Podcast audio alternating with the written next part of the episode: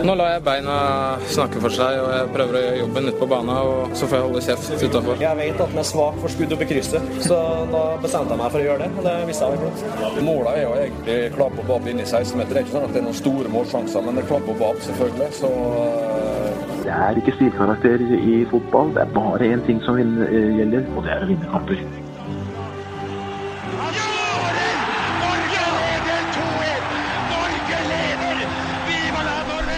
Der er vi tilbake igjen. En eh, ny runde toppfotball. En ny eh, episode skal utspilles i dette studio. Lasse Wangstein, velkommen. Takk for det. takk for det Deilig å ha deg her igjen. Det er deilig å være her. Du er stabil. Jeg prøver. Tilbake uke etter uke. Ja, jeg gjør så godt jeg kan. Og Skurresett, her har du en mann som er her to uker på rad. Håvard Lilleheie, velkommen. Jeg er ikke så stabil.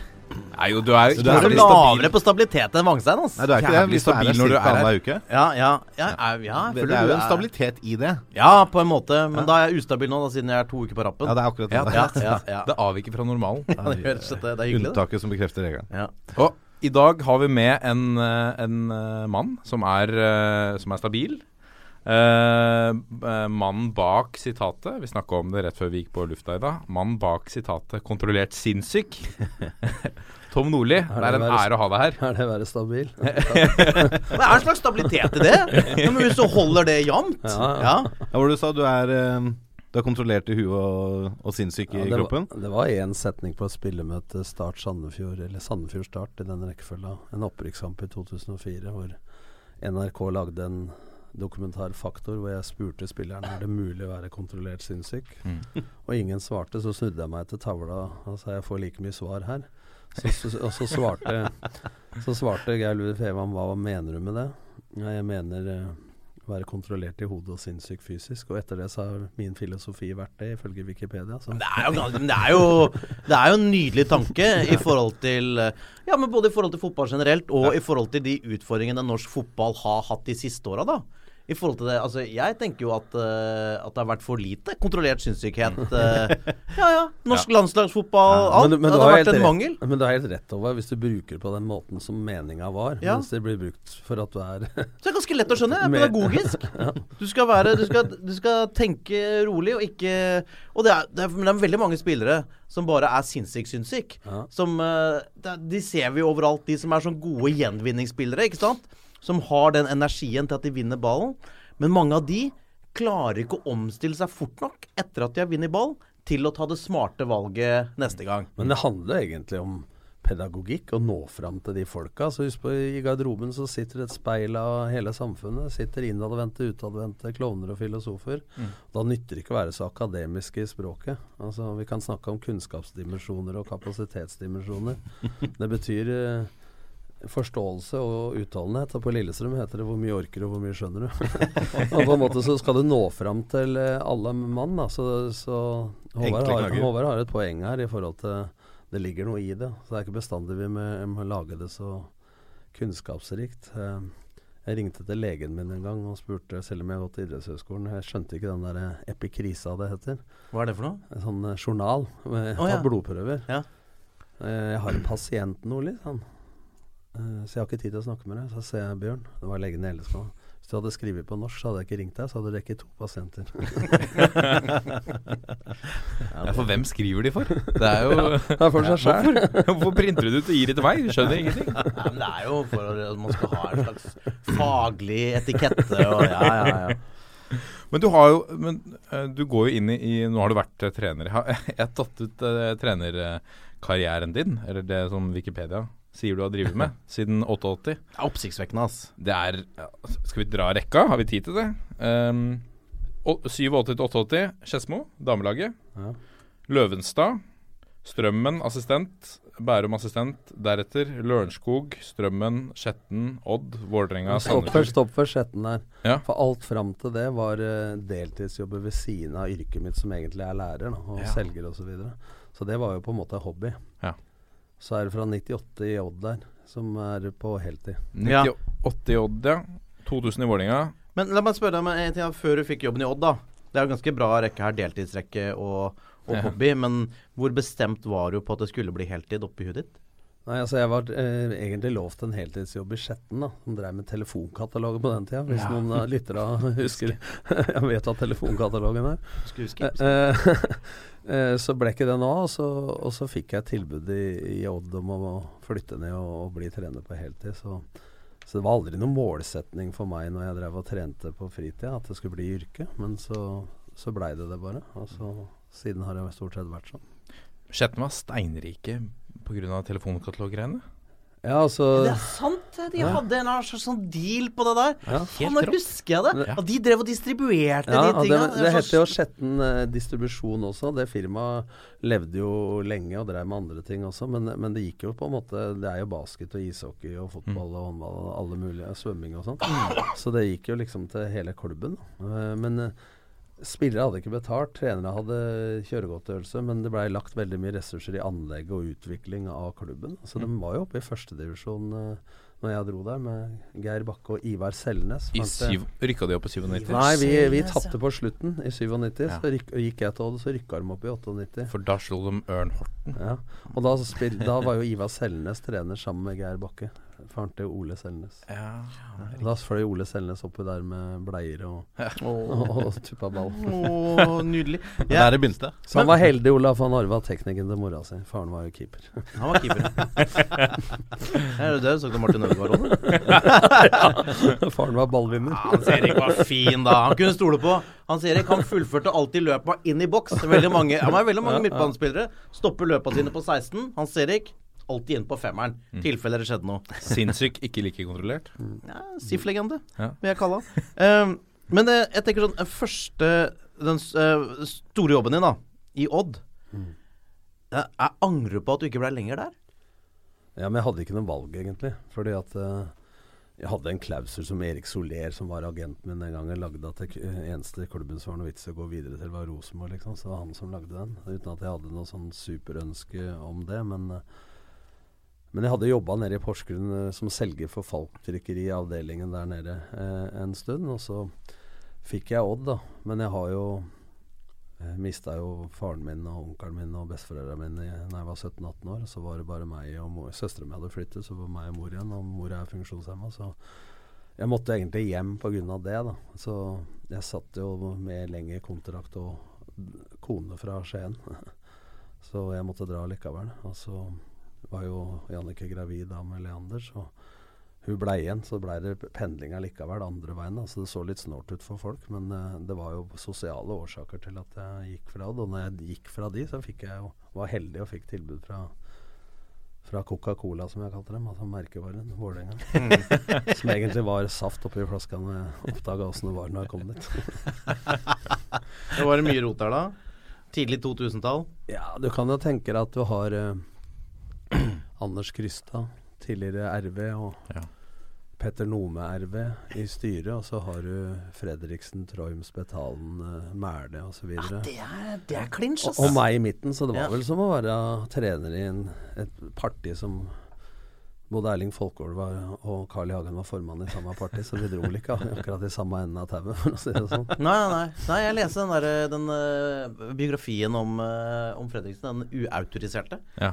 Og Der er litt snakk om hans tid i Vålerenga. At han var eh, Han var ikke så mye på match, men at han, eh, han var på en eller annen måte Hadde en slags lojalitet da Ja. i forhold til klubben. Hvordan opplevde du det? Hvem da, tenker du på? Jon Fredriksen? Ja, ja, altså Jon opplevde jeg som eh, Jeg husker vi hadde vært og spilt beachvolleyball for oss og lufte huene litt i nedrykksstriden der, altså på huk. Og jeg labba inn på kontoret i Bryggegata 3 på Aker Brygge i slippers og shorts og magen litt utafor. Og så er første møter er eh, ekte malere av Tidemann og Gude, så sier jeg til Jon jeg trodde det skulle være litt fint her. han, han er liksom folkelig og begynte som bud i, i et firma osv. Så, videre, så det er en uh, utgangspunkt en mann som har jobba seg opp fra Notting. Så jeg hadde ikke så mye kontakt med han. Han var litt mer i kulissa.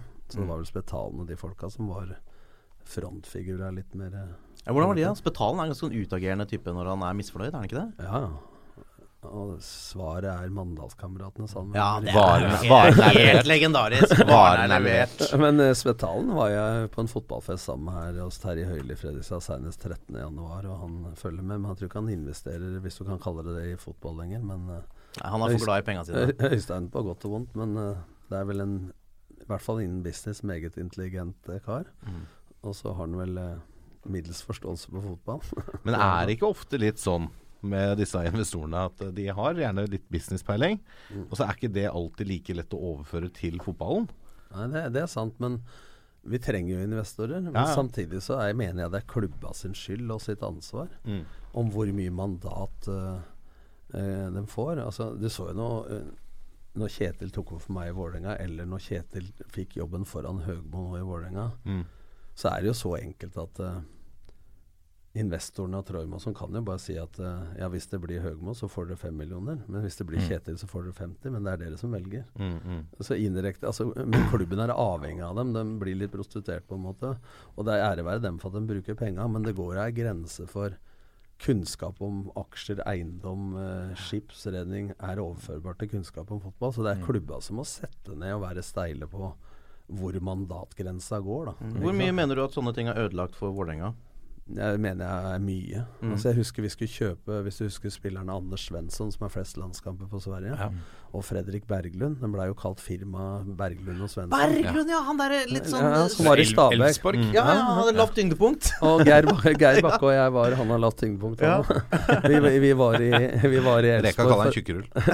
ja, ja, han må ta tilbake det nå. Ja, han må jo det. men vi, vi var i Elfsborg og så på de spillerne, og vi kunne få de for sju eller åtte millioner den gangen. da Og det var ganske billig for to spillere, for nå er Bossmann-regler var forskjellig i Norge og Sverige. Og da skulle Spetalen dem være med, og så så skulle de heller med privatfly sitt til Saint-Tropez isteden. og så drar vi dit sammen med Torgen Isen i styret og sier at de vil vi ha. Så husker jeg bare fikk svar på at de var ikke profiler nok. Så da fikk vi det ikke. For de var ikke profilert. Det Nei, var ikke stjerner. nei, nei, også dem vi endte opp med, da. Uten forkleinelse for Lennart Steffensen, eks-Skeid, uh, Notodden osv. Og, Åsmund Bjørkan, som jeg hadde samtale med om å komme til Bodø Bjørkan var jo eh, Ja, men vi fikk dem, og betalte søren meg to millioner for hver av dem. Fem på tolv, 31. av jeg skjønner det, august. ja.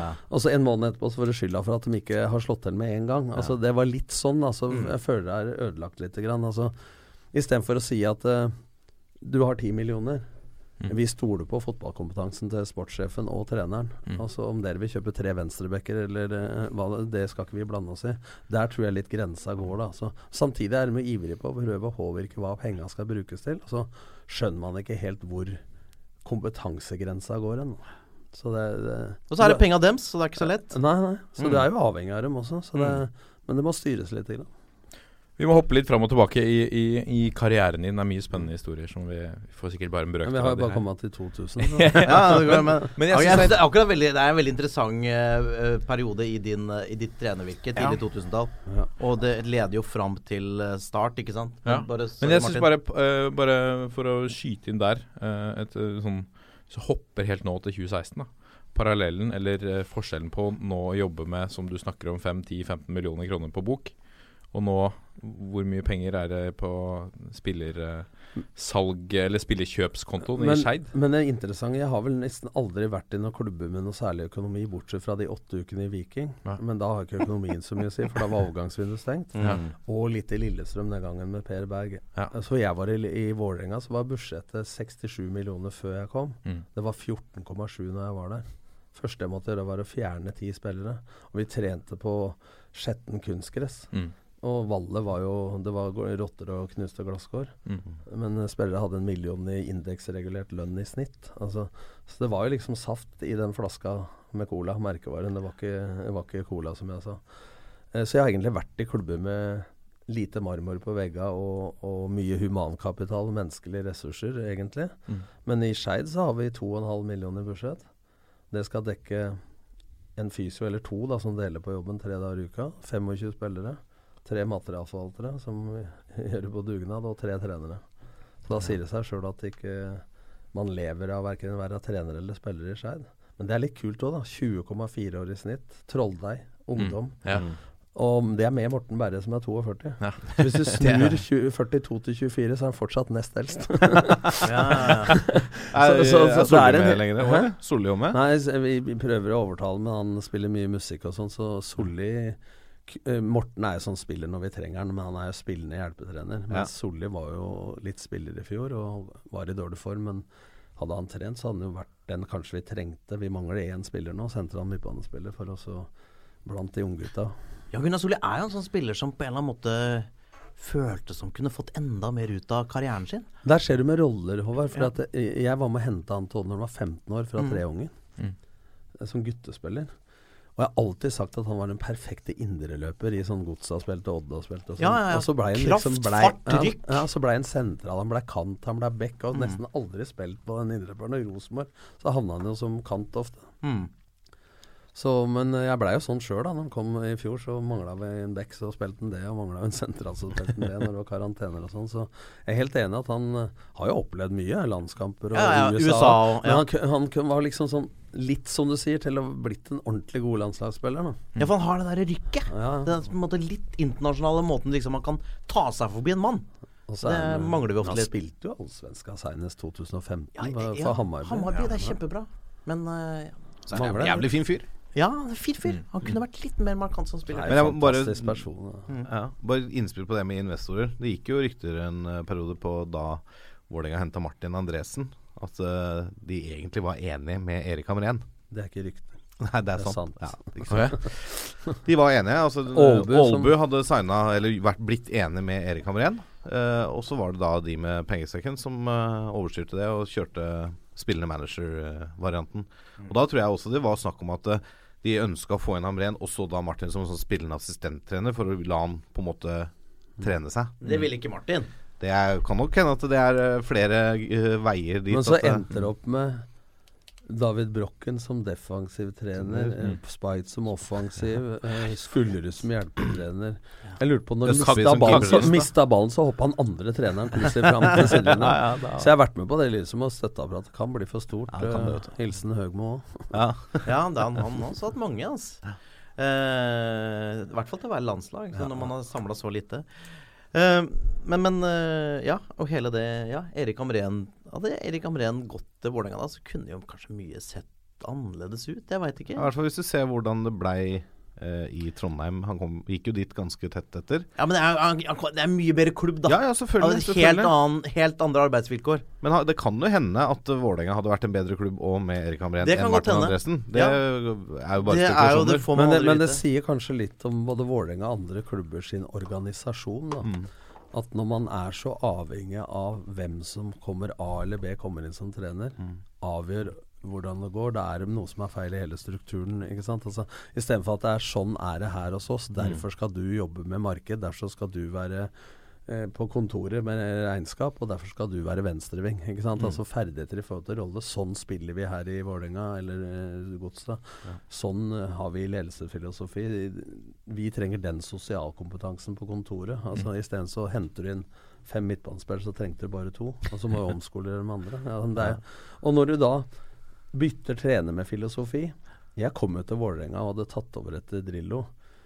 Og han hadde type Knut Henry Haraldsen, andre type stoppere, som var gode til den spillestilen. Og når vi skulle begynne å frispille i bakre leddet, så trengte de andre typer. Og når du da må bytte sju-åtte spillere hvert år, så blir jo det selvsagt dyrt. Mm. Men jeg, bare ta det litt tilbake til 2000-sesongen, for jeg husker den veldig godt. Noe av det som kanskje frustrerte meg mest da, det var jo det at jeg følte Vålerenga var kanskje et av de beste laga i Eliteserien fram til 16. Men det var liksom idet ballen skulle puttes i mål, som vi kanskje sleit litt med. Ja, men jeg, jeg gjorde jo en eh, Kanskje Jeg var jo fersk og gjorde en av mine største tabber. Da. Nummer én, jeg trodde alle tenkte som meg. to, jeg trodde alle ville meg vel. Begge deler var feil.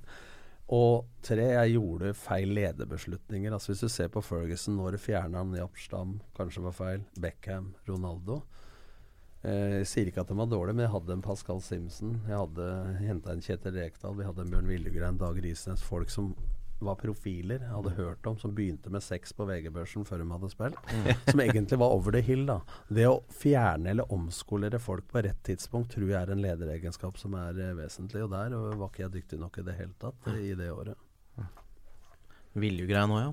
Hva, hva, var Viljugrein på hell når du hadde den? Var ikke Nei, han var vel kanskje en av dem som ikke var så, så på hell. Men han, hadde jo vært, han var jo i Stabæk. Jeg hadde han jo i Strømmen, og så var han jo i Stabæk.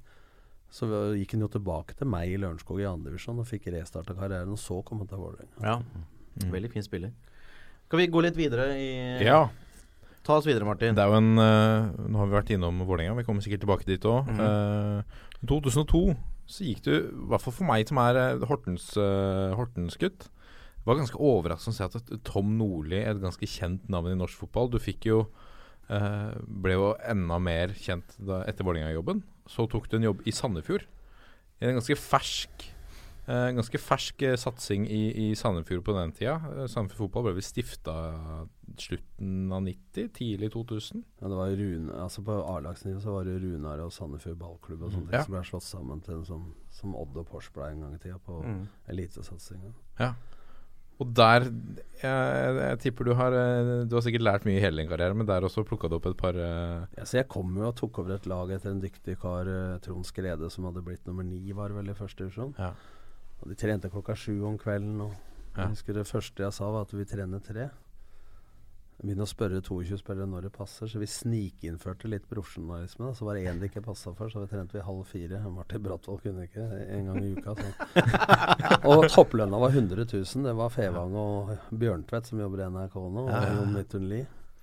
Så det var der, ja, ja. Jaffa. Så det var Ja. eh, lite ressurser. Ja. Så jeg sa vel at det var nesten en badeplass i Vestfold, ikke en fotballklubb. den gangen. Men så gjorde vi det bra. Kom jo i kvalik mot eh, Brann første året. Ja. Og det er litt sånn Dette er noen, ikke noen som veit, og dette er. NFF-historie. Eh, Roy Helge Olsen, den gamle dommeren, han ga fingeren til publikum på banen til eh, Lilleheie. Marienlyst. Ja. Og fikk egentlig Og så får jeg en mail til min gamle breddeklubb Åkeren IF utafor Lillestrøm, som jeg Mm. spilte i fjerde divisjon. De hadde brukt en spiller som het Mats Hansen, sønnen til Rune Hansen, eks-markedssjefen i Vålerenga. Ja, Så han hadde fått 18 måneder karantene eller et eller annet sånt. Og så har vel sikkert forbundskontoret sitt blåa ut feil mail, da. Så kommer en mail til Åkrene Arild Mossing, eh, formann, som sender den videre til meg. Det er to dager før kvalikkampen. Der står det Roy Helge Olsen er utestengt resten av sesongen, men eh, i media vil det hete én kamp, så vi ikke får noe styr. Oh, ja. Hvem blir satt opp som dommer mellom eh, Sandefjord og Brann på storstadion? Det er Roy Helge Olsen. og det morsomme er at det endte 0-0. Men eh, tilbakespillsregelen var jo forholdsvis ny. ja. Og Erlend Hanstad, jeg tror det var han. Han eh, var en eller annen som spilte ballen tilbake til Ivar Rønningen, som sto i mål i, i, i Brann. Så er han i ferd med å ta opp ballen med henda. Så angrer han seg, så putter Fredrik legenden Thorsen ballen mellom beina på han og scorer. Ja. Så blir det annullert. Og så Ja. blir det annullert for angrep på keeper. Mm. Men hvis det hadde vært angrep på keeper, har han jo tatt i ballen Ja, ja, først. ja. ja. Og det er jo ikke lov. Ikke sant? Og, og, eh, men der bak, tilbakespill, da skulle vi hatt frispark for femmeteren. Og det ble 0-0. Og så tapte vi 2-1 eh, borte mot uh, Brann, da. I debutkampen til Erik Mjelde. ja. Og så, På- og så greier jo Brann seg. Ja på, på Brann stadion. Ja, Da, vet du hva, Den matchen var jeg på. Ja, var. Ja. Da var jeg på Lekteren. Da var jeg besøkte fetteren min i Bergen, og da dro vi eh, Jeg har alltid Husker du pipekonserten? Det, det jeg husker eh, best, faktisk, fra den kampen, og som jeg, som jeg likte veldig godt, som du gjorde, det var at når nystemten Ja, ble det var det jeg sunget skulle fram til. uh, før, uh, før eh, kamp, som er på en måte Bergens Mm. nasjonalsang, så var dere bevisst på at dere ga faen. Ja, ja. Dere sto ikke sånn ordentlig stilt opp, og det bare Du, det er ikke nasjonalsangen, vi holder på med vårt. Og da ble det sånn ekstra men, det, var- men det var på ordre fra meg. Det- Jeg, jeg, jeg For- men jo at det var en bevisst handling for å, for å si du, vi gidder ikke å spille deres spill. Det likte jeg veldig godt. Ja, Ja, men- hvor, men det hvordan var- er dere sto da? Altså, Ja, men vi varma opp. Ja, Men poenget, det var, poenget var at det hovedårsaken jeg gjorde det, det er bi, eh, altså det sekundære er det Håvard sier. Ja. Men det var jo at for Sandefjord fotball å komme til Brann stadion fullstappa i kvalik Mm. De holdt jo på å pisse i buksa. Nei, det må jo farliggjøre. Å stå der og høre høytidelige greiene, og bergensere har jo egen nasjonalsang. Så, så jeg sa bare det var jo så nervøse, jeg bare rør på dere. Så det var egentlig bare for å roe nervene litt. Ja, da ja, ja. ja. Men så begynte de å pipe. Ja. Det kule var jo at de peip jo som ingen som hørte nystemmen. De glemte å synge. Jeg husker jeg likte Jeg er veldig glad i sånne øyeblikk. Men det er kult at du husker det, for Ja. det var det jeg hadde tenkt å fortelle. Så det, Brann stadion er jo på en måte som en sånn eh, Det var i hvert fall den gangen en slags fotballkatedral. Altså Det er jo et sted i Norge med en helt egen fotballstemning. Ja, men det er jo sånn at det, det vinner eh, 8-2 mot Stabæk ene helga. Mm. Så er det jo karneval i Rio. Og så taper de med 4-0 neste match. Altså, Ja, det, er det har- en, det er en passion i den byen Ja. Ja. som ikke kan sammenlignes med noe annet. Men nå har det jo endra seg i forhold til uh, Lars Arne Nilsen. Nå er liksom, det er jo bare sånn rolig i uh, trenerkollegiet. Rolig bygge, bygge. Og en overprestasjon eh, i fjor. Og så, men likevel byen Men publikummet, altså, i, i andre lag så er det supporterklubben som heier. Der er det, om det er dress Ja. og slips på direktøren på vippen, så synger de og, Mm. og heier. Og jeg husker bak benken eh, jeg møtte Brann med Lillestrøm.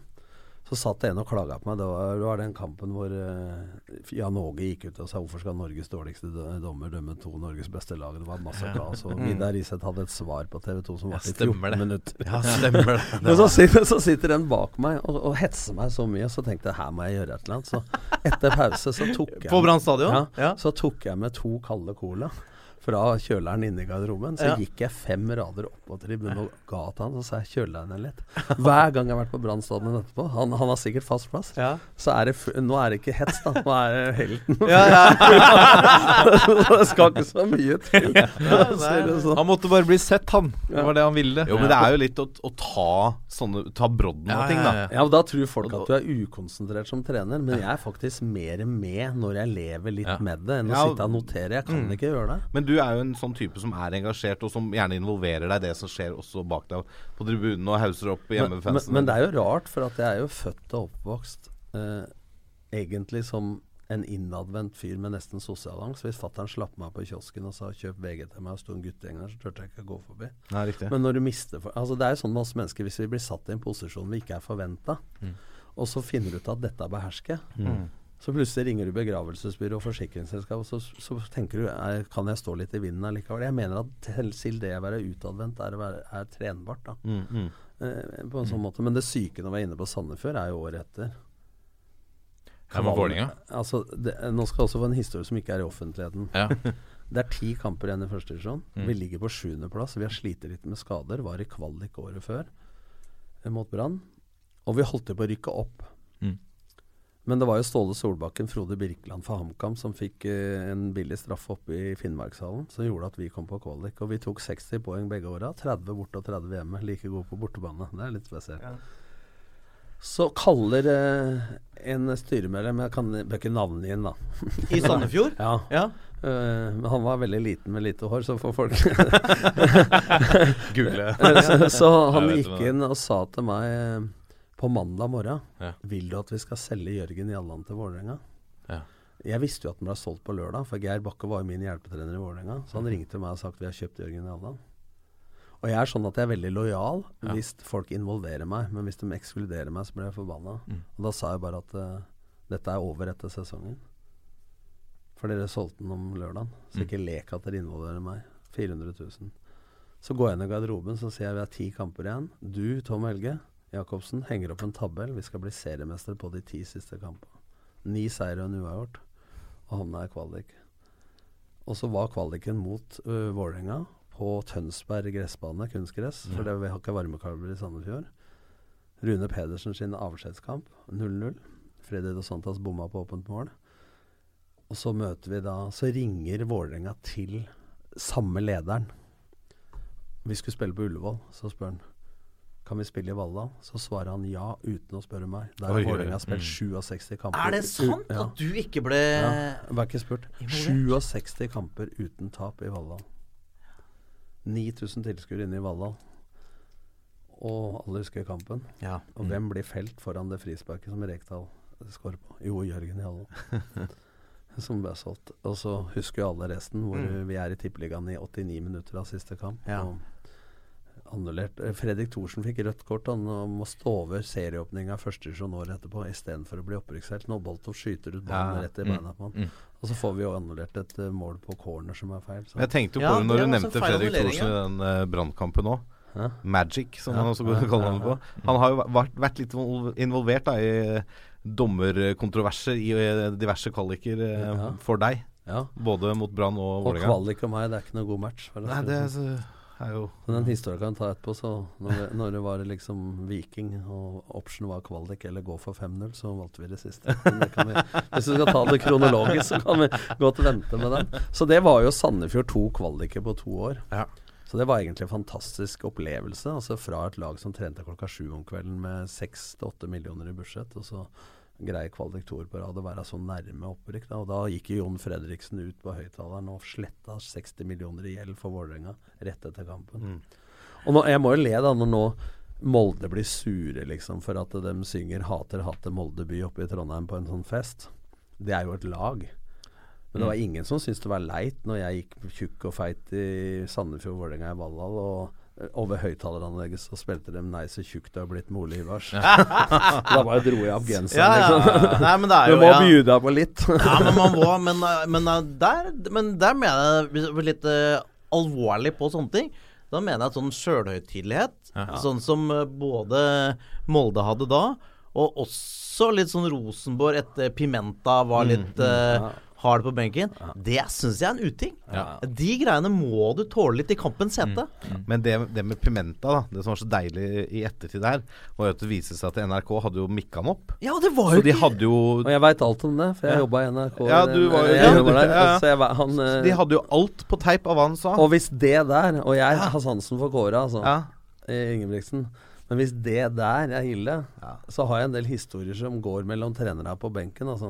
Ja, Ståle og jeg hadde jo en fin en på HamKam. men selvfølgelig, sånn blir det jo. Men Sånn tenk deg Ståle. Solbakken, som som nettopp hadde hatt Ja. hjertetrøbbel. Ikke sant? Og vi var litt hissige på benken. Altså, jeg har vel aldri vært så Ja, jeg og Ståle og jeg har vel hatt uh, noen hissige episoder. Han mot Paul Gordon Nilsen og Geir Frigård. Han var vel Ja, legendarisk. Og, og mot Guardiola. Han må, måtte ha håndkle etterpå. Tenk deg at han Man er Ståle er tøff. Ja, men han er, han er herlig. der. Og så, og så er jeg litt ivrig og sikkert kjefte litt på dommeren så sånn, så, så greier Ståle å melde. Pass på hjertet, Nordli. og da kom det jo fra Nordli. Det tror jeg det er bedre du gjør. men han hadde jo pacemaker, så han var ikke noen fare. Nei, nei, nei, nei. Men sånn skjer under kampen. Ja. Og, og jeg hadde jo en episode nå med Skeid, og det er litt morsomt da, fordi at jeg har vært veldig rolig på benken i år, og, men jeg har litt humor, da. Altså, eh, han Bommen, Bjørn Bommen Johansen, Ja, ja. og hjelpetrener dømte jo hele første omgang på Nordre Åsen, og vi kjempa jo om opprykk med Tromsdalen, Skeid og Finnsnes og vi. Okay, ja, Han trener Finnsnes. Ja. Nå må jeg, nå må jeg rydde opp i huet mitt. Ja. Og så går vi til pause, så går jeg sammen med bommen og dommeren. Og så sier jeg til dommeren nå har han bommen dømt første omgang, og han dømte ikke så veldig bra. Kan jeg få dømme andre? så du har sagt ganske mye til dommeren. Da. og bommen ler jo. Vi har møtt hverandre hundrevis av ganger. Og så midt i annen omgang så er dem jævlig ivrige, da, og vi er i ferd med å ødelegge opprykkerne for dem. vi leder 1-0. Og så bare sier jeg det at da var han så hissig, så sier jeg at jeg har noe beroligende i medisinkofferten hvis du trenger. Så blir hjelpetreneren så indignert. Ja. Og så kommer han bort til meg etterpå er rasende, dette var usportslig. Så sier jeg hvis dere tok det sånn, så beklager jeg. Det var bare en fleip. Men så sier han eh, takk for kampen, og så fint at du sier unnskyld. Og da er du ferdig med det. Ja. Stays in Vegas, på en måte. Ja. Så er det i Nordlys og det der bladet oppe i Finnsnes som heter Folkebladet. ja. Nordli hører hjemme på sirkus. Han er en Han hjelpetreneren. Å ja, det var han hjelpetreneren ja, ja, men da er du liksom, går du videre med Ja, det. men da, da får du også en melding fra meg da, at ja, men hvis jeg starter sirkus, så slipper jeg i hvert fall leie inn klovner, for de har jo to på Finnsnes. men skjønner du, sånn blir ting til. Altså, jeg er Ja. helt enig med deg. Det der som er mellom Kåre og Pimenta, eller mellom to trenere under kampen. Altså Det er samme som to Tenk deg Bård Borgersen i start, da. Og, Odd, Ja. Som er verdens snilleste mann. Han var jo et dyr på banen. Ja, men Altså, tenk, ja, og tenk deg også Pimenta. Liksom, han er trener for bitte lille Kongsvinger. Mot liksom det store Beistet-lokomotivet i norsk fotball i så lenge de fleste av oss har levd, omtrent. ja, ja. Ikke sant? Fra tidlig Men, men jeg, 90-tall. tror, jeg tror Kåre angra på det, for sånn jeg kjenner Kåre, så er jo han en munnrapp, munter, eh, sosial fyr. Og det er sånn han må være. Ja, ja. Og særlig når du er trener for de største. Det er da du, Du må, må, være en litt over fyr. det. Ja. Og jeg syns i den uh, hendelsen her, så jeg, jeg tipper det er litt sånn at eh, Altså, jeg vet ikke hva som har skjedd der, men hvorfor han i det hele tatt trengte å komme ut og være så indignert i pausen, da. Og verste han har hørt og sånne ting. Og så kommer den derre Når liksom opptakene kommer, jeg lurer på hvor flau var Kåre Ingebrigtsen? Har han nok selvinnsikt da til eh, Kanskje sannsynligvis ikke, da, for Smerud sa vel at hvis man har selvinnsikt, kan man ikke være fotballtrener. Nei, men altså hvis du har det der og da Jeg har også trengt noen ganger at eh, her sa jeg ikke noe feil, og det var ikke sånn ment, og sånn. Og så ser du deg sjøl på TV, og så tenker så er du åh. Kona sitter og peker 'se der'. Oh, ja. Ja. Ikke sant? Ja, ja. Men det er jo blitt sånn at vi snakker jo, vi snakker jo mer om det etter den cupfinalen, et, etter den meget gode cupfinalen som Rosenborg spilte. Og på den Helland- Og egentlig Helland var fantastisk. Og egentlig verdens uh, Jeg har jo trent Kongsvinger to ganger, og jeg må jo si det at uh, du bruker ikke cupfinalen til å øve. Og når du driver og spiller eh, ut til bekken din på et Rosenborg-lag som så stort, så er det mest naive. Jeg var litt snill som kommentator, men Ja. jeg sa vel mellom linjene at dette er noe av det dummeste jeg har sett. Det, det står jeg for. Altså. jeg det, Gang på gang på gang ut. Men jeg tror du ikke det er litt sånn Ja, vi var jo på Vi, så, vi var jo på kampen, vi. Men jeg tror ikke det var litt sånn at de eh, Ikke sant, de møtte et eh, litt sånn godset i fritt fall, Ja. som også undervurderte dem. Og så får du hybris. Og så er det jo ingen som undervurderer noen i en cupfinale, for da på en måte, er det så mye som ligger på blokka den dagen. Og så blei det bare Men han sto jo så hardt på før, eh, før eh, kampen mot Godset at de skulle bare spille sitt spill. Han dreit i hvem de møtte. Det er noe vakkert over det òg. Ja, Men, men det, er, det. er noe med det Det, det er kanskje en, en er grense mellom vakkert, eller dumskap. Ja, vakker, det, det var vakkert, men det var ikke veldig klokt. Men samtidig det var han, Intelligens uten klokskap er en liten verdi, sa til Jan Vincent Johansen. Men han fikk dem til den første Første cupfinaleklubben ja. har vært i, så det er en Det er jo bare starten av topplagene som ikke har vært i cupfinalen. Ja, og da kommer vi til Overgang! ditt opphold i Start. Ja. Som jo er jo Det var jo Det er kanskje den perioden da du har vært aller, aller mest i vinden i norsk fotball. Ja, det var, det var noe sånn eh, Lillestrøm betyr noe for meg, for det er hjemsted, og, Odd, kona er fra Skien osv. Men akkurat den startperioden er det noe sånn derre ekstra emosjonelt over, som du sier. Altså, for du, du kommer til Jeg holdt på å snu igjen den første treninga. Jeg sto på kunstgressbanen utafor uh, gamle Kristiansand stadion med Helge Bjønsås og ti mann på trening og regn og skikkelig dårlig. Og det var jo sånn at Doffen var jo utgitt av laget som kantspiller i 4-4-2. Marius Johnsen var på vei til Skeid. Fredrik Strømsand var leid ut til Bærum. Alle har sagt etter det at jeg hadde så mye gode spillere i start. De to første vi kjøpte, var Kai Risholt og Glenn Andersen fra Ørn Horten. Og han har jo blitt en frispillingsmann i Start og i Godset. Han hadde jo hardere demping enn jeg hadde skudd når han kom. Kai Risholt, mannen som var på Skavlan for han ikke hadde sovet på Det er verdens Hvor- største bløff, Kai. Du fikk TV-tid da, men det går ikke an å ikke sove på tre, tre måneder. På Jeg Skavlan. har sett det! Ja. Han var på Kai. Risholt. Hæ? Kai Ja, Risholt. Sov ikke på tre Sov ikke på måneder. tre måneder. Ja, legende. Tungt liv, altså. Men, men, men, men Sånn insomnia-problem? ja, jeg veit ikke. Men, eh, Det, det er bra jobba. dro vel noen damer etter, etter Skavlan. Men, men det startgreiene var sånn eh, Jeg husker vi sto i Og ikke noe Det er sånn du kan prate som trener, men du står i, i, i Sørlandshallen. Og de har tapt tre kamper mot Mandalskameratene. Altså Start, store Start på Sørlandet året før. To i serien og én i cupen. Og jeg husker jeg sto i Sørlandshallen da med det laget, og så kom Etter oss trente Mandalskameratene Mm. i forskjellige farger på tøy og oransje vinterballer. Så husker jeg og sa, og ikke noe vondt om mandagskampen. sa hvis vi taper mot det laget, så slutter jeg på flekken. og det var liksom Vi vant 1-0, 4-0 og 5-0 i de tre oppgjørene mot dem det året. Og det var jo en eventyrsesong eh, sånn sett. Da, og vi rykka jo opp. Og Alex Valencia kom fra Børhan. Vi hadde ikke brukt for han. Han ble årets spiller i 2005 i VG-børsen. Og jeg kom til klubben, var det landslagsspillere. Så husker jeg da når vi rykka opp, og så var det 28. januar Jeg er litt Rainman. Ja. eh, mot Lillestrøm i, i Valhall. Så sa Ivar Hoff treneren er for fersk. Spillere er altfor små. Seks måneder etterpå så leda vi Tippeligaen med seks poeng. Og vi hadde én A-landslagstropp under Hareide. Hele Bekkerekka. Steinar Pedersen var Ja. trener i start. Atle Roa Haaland, nå KA i Sørlandet. Kretsansvarlig. Bård Borgersen og Marius Johnsen. Mm. Doffen, Fredrik Strømstad og Alex Valencia. De var i samme landslagstropp på A-landslaget. Og de blei jo profiler, disse gutta. Men der skjer du mye rolleferdighet, har å si. At Doffen fikk en ballvinner indreløperrolle. Fredrik Strømstad fikk den kreative andre indreløperrollen. Ikke sant? Altså. Og jeg er litt stolt av for jeg hadde ni av de samme spillerne i Elveren som tok sølv i 2005. Dem var med å rykke opp. Ja. Og 11 av Det er ganske hadde- unikt. Og, ja, for jeg hadde 18 sørlendinger i stallen i Ja. 2004. Og 15 i 2005. Og 11 av dem hadde spilt juniorfotball i start. Mm. Ja, det er start. Uh, og da sier folk du hadde så mye gode spillere, men den blei jo, uh, uten å skryte for mye, men det blei jo faktisk Laget og dem blei jo gode i de åra. Mm. Ikke sant? Så da- Men der kommer Når du tar sølv, da, og mister gullet på den der eh, offsiden og de fire stolpeskudda og Dagfinn Enli brekker nakken og sånn Hadde vi blitt nummer seks det året, så hadde jo aldri jeg måttet gå fra start året etterpå for å bare ligge midt på tabellen. Men da skulle plutselig Soler og alle være skulle bli Skandinavias beste lag foran FCK. Ja, da, han, da husker jeg han var på senkveld, og det var eh, Og ut av det Det er ganske klassisk hybris, altså. Ja, vi, to, vi tok av litt av. Husk på, når jeg kom, så hadde det nettopp vært Finance Credit, altså. Og Ja. Klubb 21 med Mosvold i spissen hadde redda liksom Start med 2,1 millioner i investormidler. Mm. Til at du drar derfra, så bygger de Sør Arena og ja. Men, på, men på, på høsten der, den sesongen, når på en måte Når, når, når forspranget svinner litt etter litt Hva fort, Fortell om den perioden. Fordi vi, vi må ta var- lytteren litt tilbake Ja, unnskyld, Dere ja. leda Eliteserien. vi leda seks poeng til ferien. Ja. Men så var det jo sånn at de seks siste serierundene Ja. så vant ikke Vålerenga eller Start én eneste kamp. Nei. Og vi, det ble jo seriemester på 46 poeng eller noe sånt. Mm.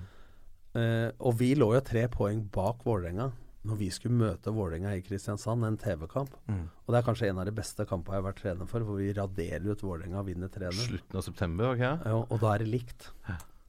Og Lyn er jo i ferd med å ta oss igjen. Kommer bakfra med Henning Berg.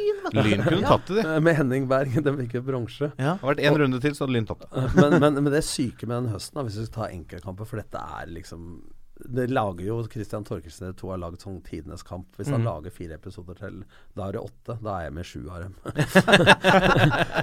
altså, du spiller Dette er sjukt. Du spiller mot uh, Ålesund hjemme i tredje siste kamp.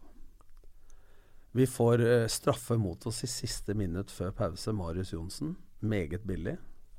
De skårer. Ett minutt etter pause så blir Atle Roa Haaland, og det har jeg video på, utvist. Lasse Olsen snubler i beina på han, og han får sitt Hadde ikke gult kort, ikke rødt kort, blir utvist, og den får straffa. Og vi ligger under 4-2 med ti mann, og det er 44 minutter igjen. Så utligner vi til 4-4 på overtid med Alex Valencia. Så står eh, Bala Garba, som nå er sikkerhetsvakt i Haugesund, så jeg trente Avaldsnes. så Tilfeldig kontroll på Nordli hver gang. Bare for å få slå av en prat. Men han sto med Gustava Bohoken, han med bekken til Ålesund, nede ved venstre cornerflagg, på motsatt side til benken på Kristiansand stadion. Midt i ramadan. Ja. Svimmel. Han kan takle, og han løper ved siden av Gustava Bohoken i 104 meter. Banen er 105 lang. Og jeg roper 'takle, takle'. Det er nesten som hvis han hadde vært på sida mi, så hadde jeg tatt en Gunnar Prokov og hadde takla Ja, ja, spilleren. og ja. tatt gullmedaljen og satt meg en, et år på tribunen. Ja. Så legger de inn Så skårer nåværende Ålesund-trener Trond Fredriksen 5-4. Avspark slutt. Det er tredje siste kamp. Shit. Så har du nest siste kamp. Så må jo Haaland stå over. Så får jo Bård Borgersen sitt tredje gule og karantene, da, eller femte, eller hva, sikkert Han var viktig for deg, Bård Borgersen. Ja. Og Haaland var jo kapteinen min. Ja. Så skårer Stefan Berlin borte med, og, og vi får 1-1. Men ett minutt før slutt så står Balla Garba én meter fra mål. Og ballen gikk over terrassen på de leilighetene bak, bak eh, på Aspmyra. Eh, men da sikrer vi sølvet. Og så møter vi jo da i siste kamp Fredrikstad. Og jeg har aldri vært med å rundspille et lag så mye. Og Dagfinn brekker jo nakken, så, så, sånn sett blir jo dette bagateller. Men vi har fire stolpeskudd hvis du ser tidenes kamp på 20 minutter. Det ene treffer tverrleggeren stanga ryggen på Steinar Sørli og ut. Og, it's no, og den offsiden da som VG-bildene viser at det er offside. Men hvis du ser den gamle VØS-kassetten til Nordli med et offside-kamera, så kan du diskutere. Men jeg tror ikke det hadde blitt offside på Lerkendal, for å si det sånn. Nei, det hadde det ikke blitt. Og det var eh, 16 600 tilskuere offisielt. Fikk 500 000 i bot for å slippe inn for mye, men det var 18 008 NFF på, den, på den kampen. Det er sjukt, altså. Og det, så det, og det er åpen buss, sånn som i England, på torvet, og 30 000 mennesker på torvet og skal feire sølvet. Og Doffen og jeg sitter i bussen og er bare lei oss. Både pga. Dagfinn og at vi har mista du gullet. det Det er altså som du sier, altså den perioden der var så mye følelser. Men det var jo Vi blei jo kjæledegge hele Norge, litt sånn som Gods var under Ronny. altså Vålerenga vant, men alle håpa at vi skulle vinne, for vi hadde de profilene. Vi hadde, lite, vi hadde 27 millioner i budsjett. Mm. Og du hadde profilene. Og ja. Og Soler tok seg av TV og jeg av radio, helt naturlig.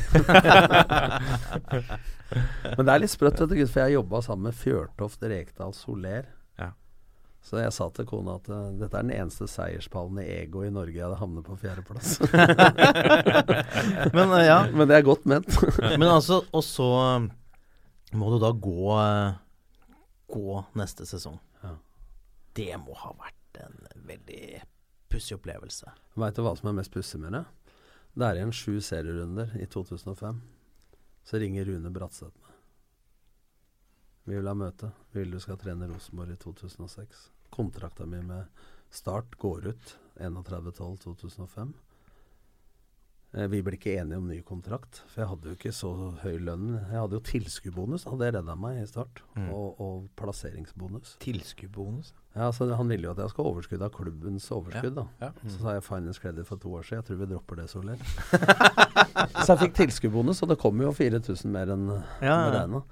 Men, eh, men så ringer Rune Bratseth, og så er jeg lojal og ringer rett til Erik Soler og sier at uh, dette var midt i TV 2-sporten, husker jeg. Uh, Rosenborg vil ha møte med meg, kan jeg få lov å gå?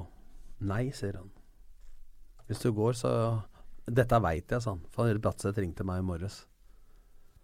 Hvis du går i det møtet, så Jeg har Høgmo klar som trener i Start. Da var Høgmo klar. Så drar jeg i møtet på Gardermoen, og så spør jeg hvorfor vil de ha meg. Jo, fordi at uh, du kler spillestilen, og du vinner fotballkamper. Det var det korteste med det. Ja, altså ja, Hva blir lønna? Det blir vi enige om. Tok det med i hånda. Rosenborg? Ja. Mm. Dra hjem, og kampen etterpå så taper Rosenborg på Lerkendal mot Lillestrøm, hvor Torstein Helstad for Rosenborg bommer på straffe. Så trekker Per Joar Hansen seg. Så ringer Bratse og sier han du må begynne med en gang. Så sier kona det må du gjøre, for den dagen Start ikke har bruk for deg, så sparker hun deg. Så er Julius i Dyreparken setter seg på meg hvis jeg drar nå. Vi leder serien med Start, du drar ikke da. Ikke sant? Og så blir Høgmo trener i Rosenborg, Ja. og jeg skriver ny treårskontrakt med Start. Første kampen etterpå er mot Rosenborg. Og vi leder 3-0 mot Rosenborg etter 18 minutter, hvor Espen Johnsen ble utvist. Og broren hans, eh, Marius, prøvde å gjøre om avgjørelsen. Da fikk en beskjed av Fredrik Strømstad å skjerpe seg. Så vinner vi 5-2. Så fortsetter jeg Start, og så har vi en litt dårlig start på neste sesong. Så etter åtte kamper da, så er det slutt. Mm. Så ja, timing is everything, sier eh, Trond Solli. Ja, og da var jo Rosenborg med Ørjan Berg og Ja, ja, Altså Jeg har angra på akkurat det, for at da var Rosenborg og spillestilen og meg Det var en match. Og hva, hvor kunne du vært da? Ja, det materielle Rosenborg hadde. Ja, altså, altså, altså, Ørjan Berg, det er, det er en av de beste midtbanespillerne Tippeligaen har sett. Men det er jo kanskje det å ikke ta det, og ikke bli Viking, fordi kona fikk studieplass eh, i Oslo, så jeg tok Lillestrøm. Og Mm. det å gå fra eh, Kongsvinger til Fredrikstad Det er også en morsom historie, for dem Ja, du skal kanskje ta det kronologisk, men vi Nei, nei. Vi hopper og danser. Ja, ja, ja, for at vi kom til Kongsvinger, så lå vi jo sist. Redda plassen i 2008. Mm. 2009 skulle vi satse med Asker Jensby. Jeg vet ikke om dere husker den der Steinbagger IT Factory-skandalen? Vi hadde masse penger. Nei, jeg husker ikke. Ja, han gikk inn med masse Han eide jo hjemmesida til Barcelona og, oh, ja. og Bjarne Riis Å, ja, sykkellag, og den villaen og på Skulle gå inn med penger. Ja. Så det endte med at eh, de blei jo tatt for uh, noen underslagsgreier. da. Så jeg står og banker på til rådmannen på Kongsvinger sammen med formann Henrik Moen lille julaften for å få en million, så vi beholder lisensen.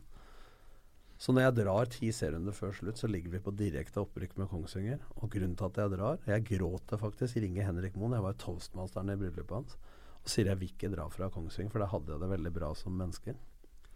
Så får jo dem penger for meg og sparer lønn, så det er jo en million, en og en halv million å spare. Hvis ikke jeg hadde dratt, så hadde klubben gått konk. Så jeg var jo nesten nominert som årets trener for å redde Fredrikstad og rykke opp med Kongsvinger samme året. Mm. Og så blir jo historia at uh, vi tar 1,5 poeng i snitt med Fredrikstad mot 0,8 før jeg kom, men du taper mot Sarpsborg. Som igjen taper mot Kongsvinger. Så mitt lag Kongsvinger rykker opp. Så det blei at Øyvind Eide, min assistent, rykka opp med Kongsvinger, og jeg rykka ned med Fredrikstad. Mm. Så var jeg da i 20 kamper eh, i, i Kongsvinger og bare sju i, i Fredrikstad. Men uh, det folk ikke veit, det er morsom historie, det kan Øyvind Eide bekrefte. Øyvind var jo fersk, sånn at de kampene gikk på NRK på tirsdager. Så av de ni, ti siste serierundene med Kongsvinger, så leda jeg laget på telefon med TV og gjorde innbyttene og satte opp treningsprogrammet hele uka. Men i, i media så var det at jeg hadde rykka ned med Kongsvinger. Så dette veit Øyvind Eide. Så dere har fått noen historier nå Ja, som burde vært mellom to permer. så det er faktisk sannheten. Og det, Ja, altså du, du hjalp han uh... ja, så jeg var jo glad i Kongsvinger. Jeg ville Ja. egentlig ikke dra derfra. Og Øyvind Eide er en av mine beste kompiser nå, så han var jo fersk og er en meget dyktig trener. Men så, så vi gjorde jo byttene sammen, altså Mm. over telefon. Så han Biffen, som jeg kaller han materialforvalteren som fortsatt er der, Ja. han, eh, han ga Øyvind telefon, og vi satt og styra. ja. Og Biffen, da, ta én historie, da. Det er legendehistorie. Han eh, har jo litt sånn tatersveis, sånn vannsveis og bart, også. og Ja. han to tenner på stift. så etter vi hadde møtt Bryne, så sitter vi på Sola flyplass, og Øyvind Eide satt og prata med ei ung, kjekk dame, og så kommer Biffen og meg bort og liksom Ja, ødela litt for Øyvind. og liksom Ja, hva jobber du Nei, jeg- husker å bli helikopterpilot, da. Mm. Og så er jo munnen igjen, Biffen. Han har jo to tenner på stift, da. Og så spør hun hva jobber du med, så har han jo ikke disse tennene inne. Og så gliser Biffen, så sier han jeg er tannlege. Altså. ja, det er vakkert. Ja. Da, men da Nå hoppa vi litt. Men hun koste seg med det. Hun lo av det. Jeg syns det var gøy. Ja, Biffen, Sigmund Dalsberg er jo Ja. materialforvalter i Kongsvinger, er jo en legende. Det var han som glemte å skrive opp Pimenta på dommerkortet Ja. før kampen nå mot Godset i semifinalen. Og så fikk han redda det siste lita. Så ble han spurt Jeg tok det jo på TV, for jeg Ja. kommenterte kampen. Så fikk han spørsmål om hvorfor eh, Nei, Han har vært utvist fire ganger i år, så jeg er ikke vant til at han sitter der.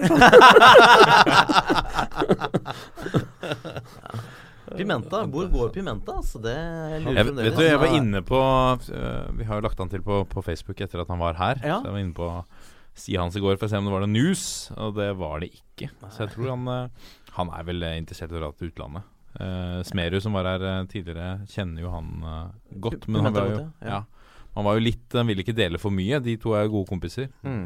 Men eh, Da havna han- med NFF, da, for alle kompisene hadde Smerud er været. det er hardt. Og Paco er der, og alle, alle som rykka det med Hønefoss, er i NFF. Det er en kuriositet. det er litt skummelt. Vi må ha det litt moro. Men, eh, ja. Nei, men altså, Det er jo spennende med Pimenta, men det er jo ikke så mange Enten så må han liksom vente til første som får sparken, Ja. for da vil han jo være Han har norsk kjæreste, Ja. men uh, norske kjærester kan jo flytte utenlands. i Ja, Jo, stemmer. Ja. Nei, det blir um, Smerud mente at han Altså, han vil jo utenlands. Eh, men uh, Men, uh, det Men det er klart, jo- altså dette er stort trenertalent, men han Mm. er jo med all respekt eh, forholdsvis fersk. Så Mm. det er klart at det kan jo hende han trenger eh, litt eh, mer eh, å stå på før han eventuelt drar utenlands Altså. Tror du, tror du det i Kongsvinger Du har jo vært i Kongsvinger eh, To i perioder. to perioder. Eh, hva, men det virker som det var litt sånn Litt slitasje mellom han og, og klubb. Ja, og Espen. Nystuen. Ja, ja. Er det fordi at han Pimenta er kompromissløs toppidrettsfyr? Ja, og så er jo Espen det. Ja. Altså, jeg Espen Nystuen har gjort en fantastisk jobb med økonomien og alt. Og Mm. Han er jo ung som leder og fersk, og det er klart at han har ansvaret for spillelogistikken. Det er litt uvanlig, for jeg har jo sjøl vært i møte med dem osv. Nå, i- nå i år. Ja. og det er klart at det er ikke Treneren vil ha noen spillere, og hvis det er en sportsdirektør som bestemmer det altså, også Hvis det er to sterke personligheter, da, og hvis det ikke er noe klart styringsmandat om hvem som bestemmer hva, så kan det selvsagt det bli Mm. Uten at det er noe feil med noen av de, så kan Nei, nei. det bli på en måte en, en mismatch. Det var jo skriverier i Glåmdalen i, i månedsvis der om, om de gnisninger, uten at jeg kjenner detaljene. Så, så jeg veit jo ikke hva som har skjedd. Han fikk jo tilbudet og takka nei, og så kan jo alle spekulasjoner gå på at eh, Jeg husker jo jeg en gang ville fortsette med Shane Stefanutto i Lillestrøm. Og Jan Åge og jeg var uenige om han skulle fortsette. Oh, ja. Og Sportslig utvalg vedtok at han skal være i Lillestrøm. Det er jo en enkel øvelse for en sportsdirektør å gi en så dårlig tilbud at han må si nei. Ja. Så det er jo også en mistanke, da. Men det kan også være at han eh, han følte at han ville videre og ikke var fornøyd med betingelsene. Mm. For, for Kongsvinger, det er jo klart, det er jo ikke mest ressurser. Nei. Men det er vel et av de stedene jeg har vært hvor jeg har hatt det innmari ålreit. Altså blanding av dugnadsfolk, uh, pensjonister, ordner lunsjen, Mm. ikke sant? frivilligheten. Uh, blanda- Lever, ja. ja. Blanda med, med, med profesjonaliteten. Ja, for Pimenta sa jo at han, han hadde jo signert en spiller som eh, en portugiser som hadde spilt mot Real Madrid i eh, Champions League-kvalifisering Nei, Champions League eller et eller annet sånt. noe. Pinto. Ja. Ja. Og, og første uka han kom til Kongsvinger, så måtte han stå og selge lodd. Ja. Da, jeg ko- jeg trodde det var kødd. Han var bra, men han når han kom, så så ut som han hadde solgt mer lodd enn han spilt. det var en stund siden han var i toppform, men han ble jo bra for Kongsvinger etter hvert. Ja, ja, det var jo en ordentlig spiller. Han spilte jo Apoel, da, eh, som Ja. slo ut Rosenborg eh, mot Real Madrid. Ja. uh, solgte du noe lodd når du var på Kongsvinger? Nei, men jeg gjorde mye rart, altså. Mm. I, alt fra Jeg husker jeg kom til Kongsvinger, og så trente vi altså Gressbanen da, var jo dårlig der. Mm. Den var jo grønn én måned i året, var når det var ferie. så jeg fikk dem til å så sande og vertikalskjære og dresse mot å trene på Brandval, da, fem kilometer unna. Så hadde de alt utstyret, men de hadde et problem på Kongsvinger. De hadde ikke traktor. På Kongsvinger? Det er Så sjokkerende. sa jeg, det er så sa jeg jeg kjører forbi 100 stykker på vei fra Lillestrøm til Kongsvinger Ja. hver dag. Så det kan faen ikke være problemet. Dagen etterpå så sto det en sånn grønn John Dale-traktor klar. Så solgte vi T-skjorter. Med det utsagnet fra meg, og solgte 2000 stykker til 100 kroner stykket. Eh, og så samme gjorde vi for at eh, på Kongsvinger hadde de lite penger. Da, og det er jo litt sånn feil prioriteringer i klubber, da, for jeg er litt sånn Du drar liksom Når gjestene kommer på besøk, så har du kanapeer, Mm. men du har ikke råd til ball, matchballer. Nei.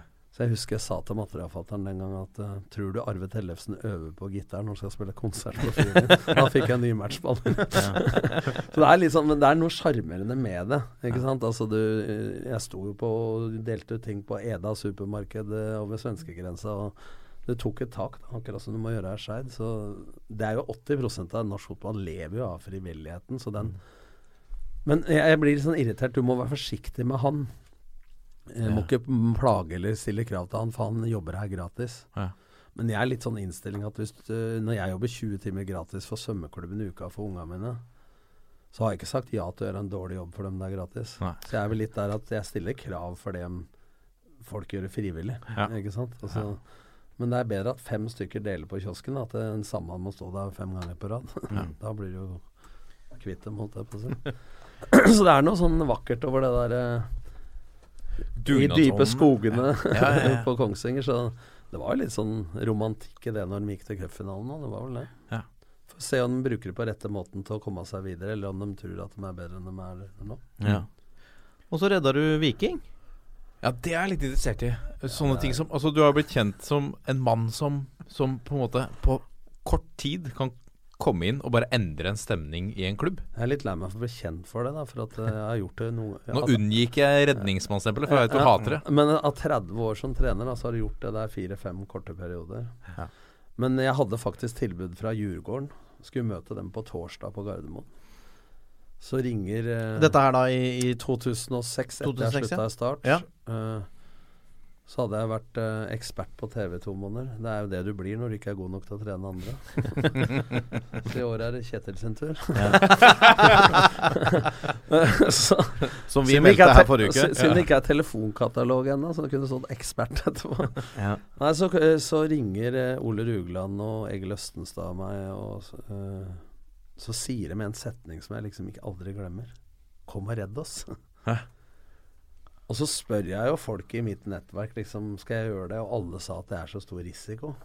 Så så jeg på tabellen, da, så så jeg om sist, og tenker jeg det er jo ikke risiko. Nei. Men det var et eller annet som trigga meg, at hvor mye kan du påvirke ei gruppe?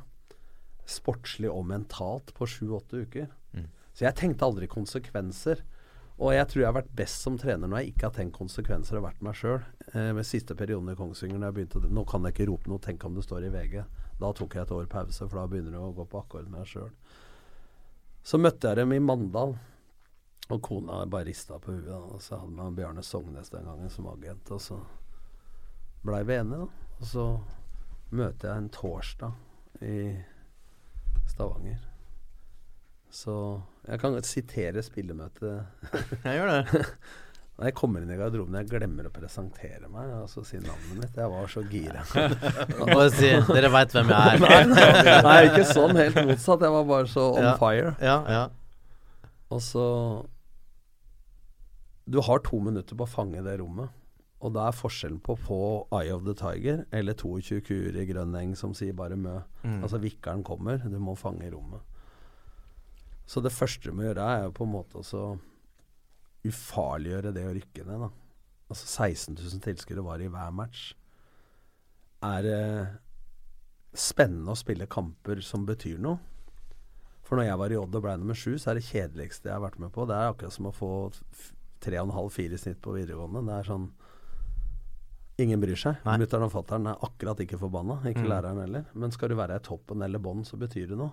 Så jeg prøvde å snu det der at alle som sitter på tribunen, direktører, narkomane, arbeidsløse, rørleggere, snekkere, skulle ønske de hadde drakta di. Får dem til å ha lyst til å spille de kampene som betyr noe. Og ufarliggjøre konsekvensen. Det var det første. Så husker jeg sa at la oss si dere er Vikingskipet. Vi skal ro den veien. Så tok jeg ut laget i garderoben etter fem minutter. Jeg sa bare at dere elleve spiller. Jeg ror. Dere tre ror når dem er skada. Og det var en som sa 'hva skal vi gjøre'? Så, dere kan bære båten til kaia. Det har noe med det at i en krisesituasjon så spiller rolle hva slags stillingsinstruks du har. Det viktigste er at laget, bedriften, klubben holder seg. Og folk rista på huet at du kan ikke bruke Jørgen Tengesdal. Og du kan ikke bruke Peter EJ. Så hadde vi leid inn Reece Weston fra Cardiff for sikkert en million eller to. Så jeg gikk til han og sa I can't play you. Så spurte han hvorfor. Nei, du kan ikke språket, du kan ikke norsk kultur. Du er sikkert en god spiller, men nå må jeg bruke folk. Jeg brukte Øyvind Svenning og, og Jørgen Tengesdal på bekka, liksom. Og, og Peter Ire skårte jo elleve mål for oss på sju kamper. Og du kommer inn der, og så sier, møter jeg journalisten Knut Skei Solberg, som har vært i NRK nå, og så han spør meg Du har sju uker på deg, Nordli? Nei, jeg har ikke det, sa jeg, for om sju uker er det slutt. Første kamp er om tre dager, så jeg har ikke tid til å prate med deg. Må begynne med en gang. Men du må på en måte selge inn Det handler om situasjonsbestemt ledelse. Du må ufarliggjøre. Du må selge inn kort og konkret hva du skal jobbe med, uten å gape over for mye. Og så må du vise som vikar at du må være samsvar mellom det du selger inn i garderoben og det du formidler ut på treningsfeltet. Og første kampen så ligger vi under 1-0 mot Stabæk når det er igjen 12 minutter. Jeg husker jeg var så tjukk at jeg hadde treningsgenser og drakk meg bare til hit. Så hvis du googler meg, så har en Photoshop av en potetgull på seg. Og så snur vi Birke Bjarnarsson, som spilte EM nå for Island. Han, han kom inn som innbytter og skårte, og vi vinner 3-1. Mm. Og da hadde jeg vært Det er litt morsomt, da, for da var jeg Når jeg tok sølv med Start, så sto det geni i Federlandsvennen. Så sa kona 'du er jo ikke det'. Så gikk det seks måneder, sju måneder. Ni kanskje gikk det. Så fikk jeg sparken. Så sto det 'idiot', så gudskjelov sa kona 'du er ikke det heller'. Mm. Så trente jeg Viking i én fotballkamp. Så sto det på forsida av Rogalands Avis 'Frelseren'.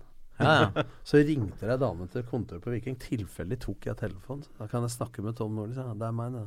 Det er bare én frelser, det er ikke du, så, er så på en måte Men det der var så intenst. Og så husker jeg hvordan du skviser sitronen i en sånn situasjon. Ja. Vi spiller mot Tromsø. Vi må jo vinne.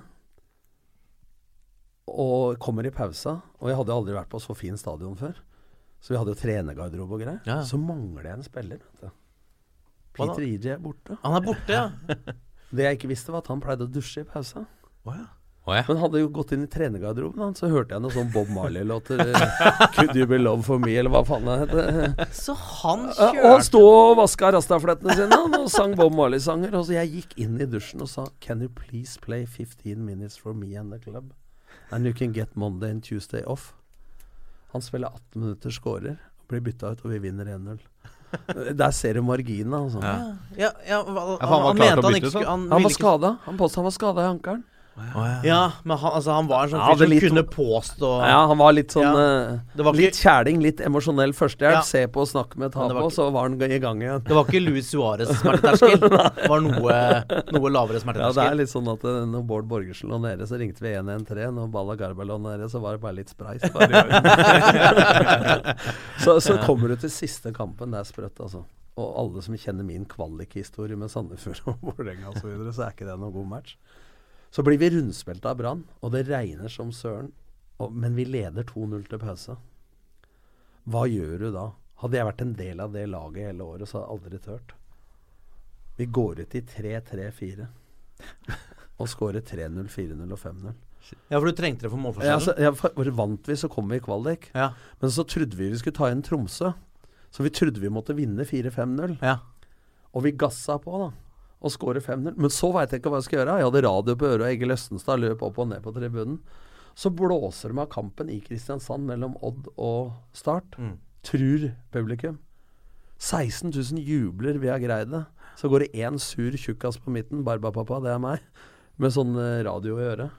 Det var offside blåst i Kristiansand. Ja, Så scorer Pelle Nilsson skjærmål for Odd. og så rykker eh, Odd ned. Eller kom på kvalik, da. Og vi greier oss. Altså vinner vi 5-0 der. Altså, men du kommer til et lag som hele byen har sagt at vi er for gode til å rykke ned. Mm. Allan Gorde sa jo det til meg som ekspert på TVC. I verste vi gjorde i vise den tabellen. Så spør han hva skal vi gjøre med dette. Skal vi snu den? Mm. Få dem til å innse nå-situasjonen er det viktigste for å komme noe sted. Mm. Men når du har da Kongsvinger i samme situasjon, så kan du ikke gjøre det samme. Folk sier du kan jo bare gjøre det samme. Der kommer du til et lag som har hele folka bestemt at dem skal jo rykke ned.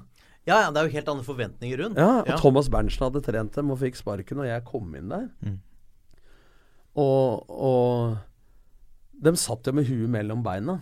Så hadde det vært én meter høyvann i Glomma, så han drukna. Så var det like før jeg sendte han biffen ned til Intersport og kjøpte snorkel og dykkermaske. og så taper du første kampen mot Odd 3-0. Hva gjør du da? Så tok jeg spillere inn i garderoben. Så trodde de skulle få kjeft. Så prata vi 15 minutter om hva som hadde vært bra. Så jeg kunne ikke få dem til å innse nå-situasjonen som i Viking. Jeg måtte rett og slett Du har spilt svensk cupfinale. Du har spilt på U18-landslaget. Eh, dere vant 20 kamper i fjor. Så jeg måtte få dem til å spille en film av å se seg sjøl lykkes, og vise video. Så vinner vi jo seks kamper på rad, og det er, det er innmari sprøtt da, når du har vunnet to av 22. Så jeg sa jo til sønnen min Sønnen min er svømmer, og så svømte han bra i Asker. Uka etterpå, når det gjaldt, da svømte han dritdårlig. Så gråt han. Så tok jeg han med inn på handikaptoalettet og satt og holdt rundt den. Så spurte jeg Leander hva er det for noe, Leander? Jeg er så dårlig, pappa, sa han. Hva skal vi gjøre med det? Vi må finne ut hvorfor jeg er dårlig, sa han. Så så jeg på han i 30 sekunder og sa er det noe vits? Jeg sa da blir du jo god på å være dårlig. Hva tenkte du sist gang du var god? Hvordan forbereder du deg? Det er det jeg har gjort i de der redningsaksjonene. At jeg, jeg har jo ikke fått folk til å lære noe nytt. Du har egentlig bare fått ut potensialet de har i magen. Til å tørre å være så gode som de egentlig er. Da. Mm. Dette handler mye om huet. ikke sant? Å fokusere på hvorfor du er god, så du kan gjenskape og videreutvikle det, er mye viktigere enn å finne ut hvorfor du var dårlig. Jeg hadde jo en kompis som gikk til legen i seks måneder, fant ikke ut hva det var. Så ringte meg jubla. 'Nå har jeg fått vite hva det er.' Så han har fått en diagnose. Det er Bechdel, sa han.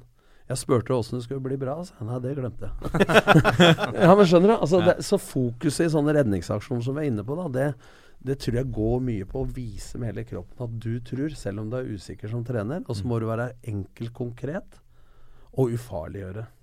Få det, Rolling Stones spiller på Wembley for 100 000. Dem er dårligere på Rockefeller, eh, Håvard, for eh, 300. Men i fotball så er vi nervøse til mer folk der. I fotball så er Ja, hva tenker du nå? ja, bortebane er farlig i fotball, ser vi, for bortemål teller dobbelt. Men i Ja, ja. skiskyting så er hjemmebane i fall det, for det er så mye trykk. Mm. Det, kommer inn på mediene. da. Det som skrives og sies, det blir jo på en måte sannheter, da. Det er, du vet, De har målt eh, testosteronnivået på fotballspillere. Og de som spiller eh, på hjemmebane, har høyere testosteronnivå enn de som spiller på bortebane. Altså rett og slett eh, De tror det er en litt sånn eh, banal psykologisk greie at Ja. eh, nå kommer du til mitt hjem, og det skal jeg beskytte. Men i Skeid nå tar vi like mye poeng borte. Det gjorde vel i Sandefjord. Mm. Nå er det ikke så mye folk på de kampene, da, men banen er 105 ganger 68. Ja. Målet er 7 32 ganger 2-44. Noen står på tribunen og roper 'Keiko' eller 'Doffen er daua'. Hvor mye kan vi jobbe med det for å ufarliggjøre det? Når folk sier at Jeg husker en håndballtrener sa en gang at vi må lede med fem før bortekampen i Europacupen, for i Moldova er det så vanskelig. Mm. Eller Montenegro, eller hva det er. Og så sa jeg til ham hvis du leder med tre, blir du hjemme, da? ja, men hvis vi trenere sier det Jeg hørte trenere, både Kjetil og Martin og andre, og sikkert jeg sjøl også, har sagt at vi skal ikke være i form før neste år. Etter ferien skal vi være bra. Hvis du leder en bedrift i Oslo her og sier at eh, neste år skal være gode, tror du det er noen som legger beina på bordet og tar en kabal da, eller istedenfor å gunne? Gjerne. Ja. Nei, mamma, jeg er enig i det. At, øh, og det er jo Er det noe som er et nå-produkt, så er det jo fotball. Ja, det For, for publikum er det det så til de grader. Så man, det er du nødt til å Det tror jeg Ja.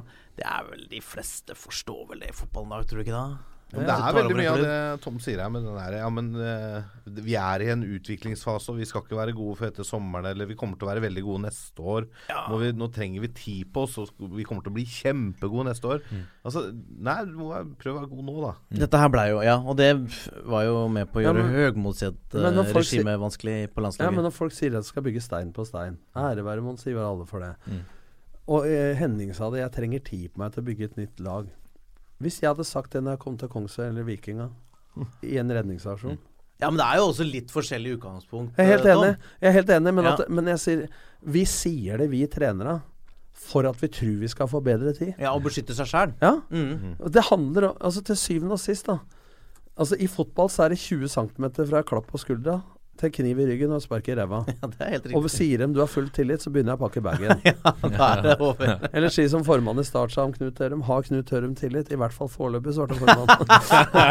ja, men som jeg sier, det er litt forskjell på lærerværelse og på fotballbanen. Sånn, på Ja, ja. kontinuitet og hva som kreves. Så det handler faktisk eh, om å vinne fotballkamper. Så du kan tenke hvor langsiktig du vil. Det er ingen som har sagt om er jævlig bra fotballskole, Tom. Det var fint foredrag for de unga hvis du ligger sitt på tabellen, altså. Så det handler faktisk om at du må vinne. I hvert fall annenhver gang. Ja. Vinne hjemme. Borte, ja. ja, du minner meg på. Men så etter Viking, da, så, gå, så velger du jo å gå. Ja, så jeg velger jo ikke, for at det- kontrakta er jo bare åtte uker. Ja. Men jeg får et tilbud om å fortsette i Selvfølgelig gjør du det. Og det i Stavanger er vel det stedet som jeg fortsatt slipper å betale for å spise. Mm. Så det, når du får bragdprisen foran folk som redder folk fra å drukne, så sier det litt om betydninga for Viking. Og i Skien så fikk jeg jo Høyersprisen for å sette Skien på kartet. Nummer to var Einfrid Halvorsen, som leda Mental Helse Norge og var i regjeringa. Så sa jeg denne prisen bør du ha. Så sa han hvis du veit hvor mye fotball har å si for den mentale helsa til folka i byen, så beholder hun. Men det sier jo noe om greia, ikke sant? Og, og, og jeg hadde nok blitt der hvis kona hadde fått jobb eller studieplass der. Så fikk hun studieplass i Oslo, og så Og så skjer jo da det jeg sier nei på lørdag, og så på mandag får Ove Røsle sparken. Så Ove var gæren på meg, for han trodde jeg hadde noe med det å gjøre. Men han må jo være glad, for han fikk jo sparken i Lillestrøm. Og siden jeg tok Lillestrøm, så var jo Viking ledig. Mm, ja. Så det er jo ofte sånn at vi skuler litt på hverandre, men det var helt ufarlig. Men, eh, men så kom Lillestrøm på banen, og jeg var veldig skeptisk. Og vi hadde masse møter, meg og Jan Åge, og mange trodde det skulle bli krasj og sånn og sånn. Og Det blei det jo. Ja, på, på en måte, men det var aldri noe media satte oss opp mot hverandre eller sånne ting. Men vi var ganske uenige på slutten om hvordan det skulle drives. Så jeg Det er jo den kaldeste klemmen i norsk fotballhistorie. Ja, den Etter klemmen. da. Men da, da, men da var det jo i fryseren på Diplomis akkurat da. Ja. Så han sa jo 'skal vi ta den klemmen', ikke faen svarte. Men, men det var jo historie der som at eh, Det var jo uenighet, da. Så det var jo Jan Åge som var i ferd med å gå, og så kom han jo ut fra et AS-styre med fast jobb i klubben. så da på en måte så, så blir det jo håpløst for. Men jeg roser Jan Åge, for han har veldig mye kunnskap. Men det går igjen på at hvis ikke mandatene om hvem som bestemmer hva, er tydelig nok To sterke personligheter kan dra den båten veldig langt. Men hvis du på en måte drar i hver din retning, så, så blir det feil. Det bør ikke være noe feil med verken han eller meg, uh, for å si det sånn. Så vi er godt forlikt og, og prater, vi. Mm. Men, eh, men du blir jo forbindet litt med, med de tinga. Men eh, vi tok en tittel. Den eneste Ja. lille som har tatt siden 1989. Og vi lå på medaljeplass i 21 av 26 serieomganger, og vi leda i 17. Men vi fikk fjerdeplass. Så det er klart det var jo egentlig en veldig bra sesong. da Slo Rosenborg eh, 5-2. Hadde noen veldig bra spillere. Altså, vi- Hva som dro, dro lasset for deg? Du hadde Heinz Müller, da, som havna i Premier League i mål. Så tok Otto Fredriksson, som sto for Kongsvinger, over. Så var det jo Anders Rambekk, Pål Steffen Andresen, Frode Kippe og Shane Stefan Nutto bak. Så blei det Marius Johnsen etter hvert. Så var jo midtbanen Casey Wehrmann, men så blei jo han solgt til Lyn. Ja, Så blei det Khaled Moelli isteden. Så spilte han sammen med Espen Søgaard og Bjørn Helge Riise. Men så kom Simen Brenne inn, og da blei Bjørn Helge Riise høyrekant. Så var Ocean og Sundgodt bytta på å være midtspiss, og så var Magnus Myklebust venstrekant. Så brakk Magnus Myklebust kravbeinet. Magnus Myklebust, ja. Det var Ja, spilleren som forsvant. han gjorde seks mål på seks første seriekamper. Ja. Men så mangla vi en venstreving. Men så brukte jo vi som spilte skeivt 4-3-3. Altså Oliver Oversen var jo på en måte Når Sundgodt spilte, så var Oversen på en måte en slags kant, da. Det er, det er jo angrepskraft, de to gutta. Ja, det var uh, Oversen. Jeg så han jo nå Lillestrøm og for Odd da, nå forrige uke. Han er fortsatt bra. Altså. Ja. Det var kraft. Men han var jo fjerdevalget under Henning, så det er spillestil og mm. meninger. Så, det, så det var jo på en måte Men det var jo et lag som hadde blitt nummer fire under Arne Erlandsen, nummer fire under Ove Røsler og tapt en cupfinale. Og jeg ble nummer fire og vant en cupfinale. Mm. Og på den tida holdt jo ikke fjerdeplasser for Lillestrøm. Nå tror jeg de hadde fått Laurbærkrans for fjerdeplass. Ja. Ja, de får jo det for å holde plassen. Ja, men, da, men da blir jo Det sier jo litt, da. Om, da var jo Lillestrøm elska og hata. Men det er blitt litt sånn på Lillestrøm at uh, nå er det de 4000-5000 som er på hver kamp, som bryr seg. Det er farlig for en liten plass som Lillestrøm at folk blir likegyldige. Ja. Så det beste er jo Det er bedre at de diskuterer hvor dum Tom Nordli er som trener på lunsjbordet, enn at de ikke diskuterer det, for å si det sånn. Da. Men når var det, når, når var det liksom blei krasj mellom deg og Jan Åga? Det var jo det, Feilen er Hva jo skjedde? Det skjedde ingenting. Feilen er jo utgangspunktet. For jeg var jo skeptisk, og vi hadde noen møter om hvordan det skulle bli. Mm. Og så blei det jo ikke helt sånn. Men jeg tror Jan Åge hadde en liten trener i seg den gangen òg. For det sto jo Romerikes Blad 'Trekk deg, Jan Åge, veit du har prøvd å ta jobben til Tom'. Så det var jo sånne ting. Men det, jeg merka ikke noe særlig. Så hva som har foregått bak kulissa Jeg fikk beskjed av styret at du har tillit, bare jobb med laget. Så Ja, men det er åpenbart det skjedde Altså, det det var ikke noen enkeltepisoder. Vi Nei. krangla aldri. Det var ingenting sånne ting. Media greide ikke å sette oss opp med det. Men vi tenkte litt forskjellig om hvordan ting skulle drives sportslig. Men den følelsen du hadde når du gikk på gresset der, og han kom for klemmen, da likte du ikke han fyren. Det må jo ha vært Nei, nei, noe nei, men det var jo på grunn av at da skjønte jeg at det var eh, han eller meg, på en måte. Mm, I den mm. perioden der. Så, så, det, så det var litt uh, vanskelig. Men, men det er litt spesielt, og den historien jeg har lyst til å fortelle, fordi Berit og Bjørn Helge Riise og Jan Åge sto jo fram, helt sikkert eh, litt riktig og litt feil, men og jeg fikk jo ros på TV for at uh, jeg var årsaken til at Bjørn Helge slo gjennom på landslaget. Dette var i, rundt cupfinalen. Så spiller jo Bjørn Helge kamp mot Tsjekkia i playoff når Thomas Myhre valgte å kaste noen baller i mål. um, unnskyld, Thomas. Nei, men det- Eh, vi og så så- jo det. og så trente ikke Bjørn Helge med meg da pga. operasjon før sju dager på Marbella i mars, uka før seriestart. Og når jeg slutter i Lillestrøm, så sto Bjørn Helge fram, det er jo snakk om etterpå, og sa at jeg hadde trent i hjel. Mm. Så jeg hadde, var årsaken til at han slo gjennom på landslaget. Så trente jeg en sju fotballøkter før seriestart. Og vi trente 200 timer mindre det året enn året før, når vi ble cupmestere. Så er det litt morsomt at TV 2 lager den saken, da. Ja, hva fordi, for, nei, fordi at uh, Jeg tror jo det er et bestillingsverk uh, på en eller annen måte. Men uh, det Ja, var men Hva er Bjørn Helge Rises rolle oppi dette her? Nei, men han tror jeg var diktert fra et eller annet sted, for han var lov til å bli proff og så litt videre. Å ja, hvem er det som dikterte han, tror du? Nei, det kan jo folk gjette. Ja. Men så, Mamma. så var det Ja, det- Det tok jo ikke så lang tid før han gifta seg, Bjørn Helge. Nei. Og i det bryllupet dekka TV 2 og Se og Hør. Og jeg kom rett fra Colombia, for vi adopterte en datter fra Colombia i 2010. Og du kan jo gjette Det var én fotballtrener i Norge som var invitert til det bryllupet. Og det var han som hadde trent ned her. så jeg spurte TV 2 og skal dere ikke lage noen historie på det her, men da drep vel den forrige historien. Jeg sier ikke at jeg gjorde alt rett overfor Bjørn Helge og Lillestrøm, men det viser bare litt om hvordan ting kan komme ut. Og jeg, Bjørn Helge var i 50-årslaget mitt. Ja. Frode Kipp og Halle Lillestrøm og Startsdalen og sånne ting. Så, så det blir nok litt overdimensjonert eh, noen greier. Men det er jo lov å være uenig. Mm. Altså være egen sa, det vi er e- enige om holder oss sammen, og det vi er uenige om bringer oss videre. Og hvor stor grad greier man å skille sak og person. Det er Ja. noe av greia. Men det er jo det med deg, Tom, er jo at du Du har veldig mange Altså, alle treneroppdragene dine er korte. Ja, men så sier jeg bevisst Men er det, er, er, er det bare forskjellige tilfeldigheter alltid? Nei, selvfølgelig ikke.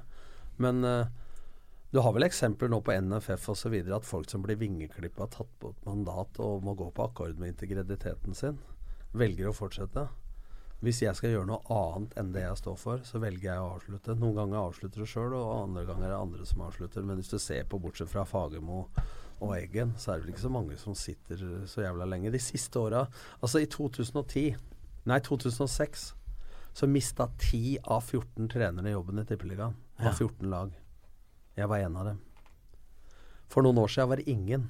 Begge deler er absurd.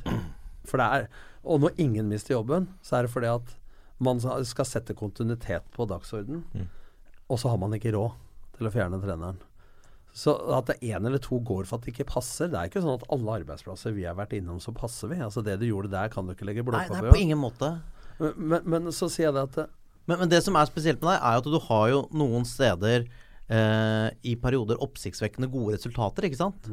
Men at likevel eventyrene blir korte. Det er, det er jo det som gjør tilfellet Tom Nordli spesielt. Ja, at du både i forhold til å sette sammen et lag som holder seg, både i forhold til å få et lag til å rykke opp og nesten vinne, så er det på en måte sportslig sett oppsiktsvekkende bra, da. Men likevel er eventyrene Men det er jo noen steder hvor man har sine rutiner, og at det er viktigere å ha det hyggelig enn å vinne. Ja. Og hvis det er slitsomt at jeg stiller krav, så er jeg nok slitsom. Mm. Men jeg tror jeg går foran sjøl som en meget arbeidsom trener. Og hvis folk tror jeg bryr meg om uh, ting som jeg ikke har noe med, så gjør jeg ikke det. Men jeg bryr meg veldig mye om laget, spillerstallen, hvordan vi trener. Uh, men jeg har vært i klubb med lite penger, vet du. Sånn at når du må bestille billetter til La Manga og slådde banen sjøl i en del av klubba, så blir det at du på en måte får Så jeg tror nok jeg har lært av det at hvis jeg skulle hatt en toppklubb nå, så ville jeg vært enda tydeligere på spillestil og motivasjonsbiten, som er mine to største styrker, altså på feltet. Så ville jeg egentlig vært mer usynlig, og det er jeg Skeid også.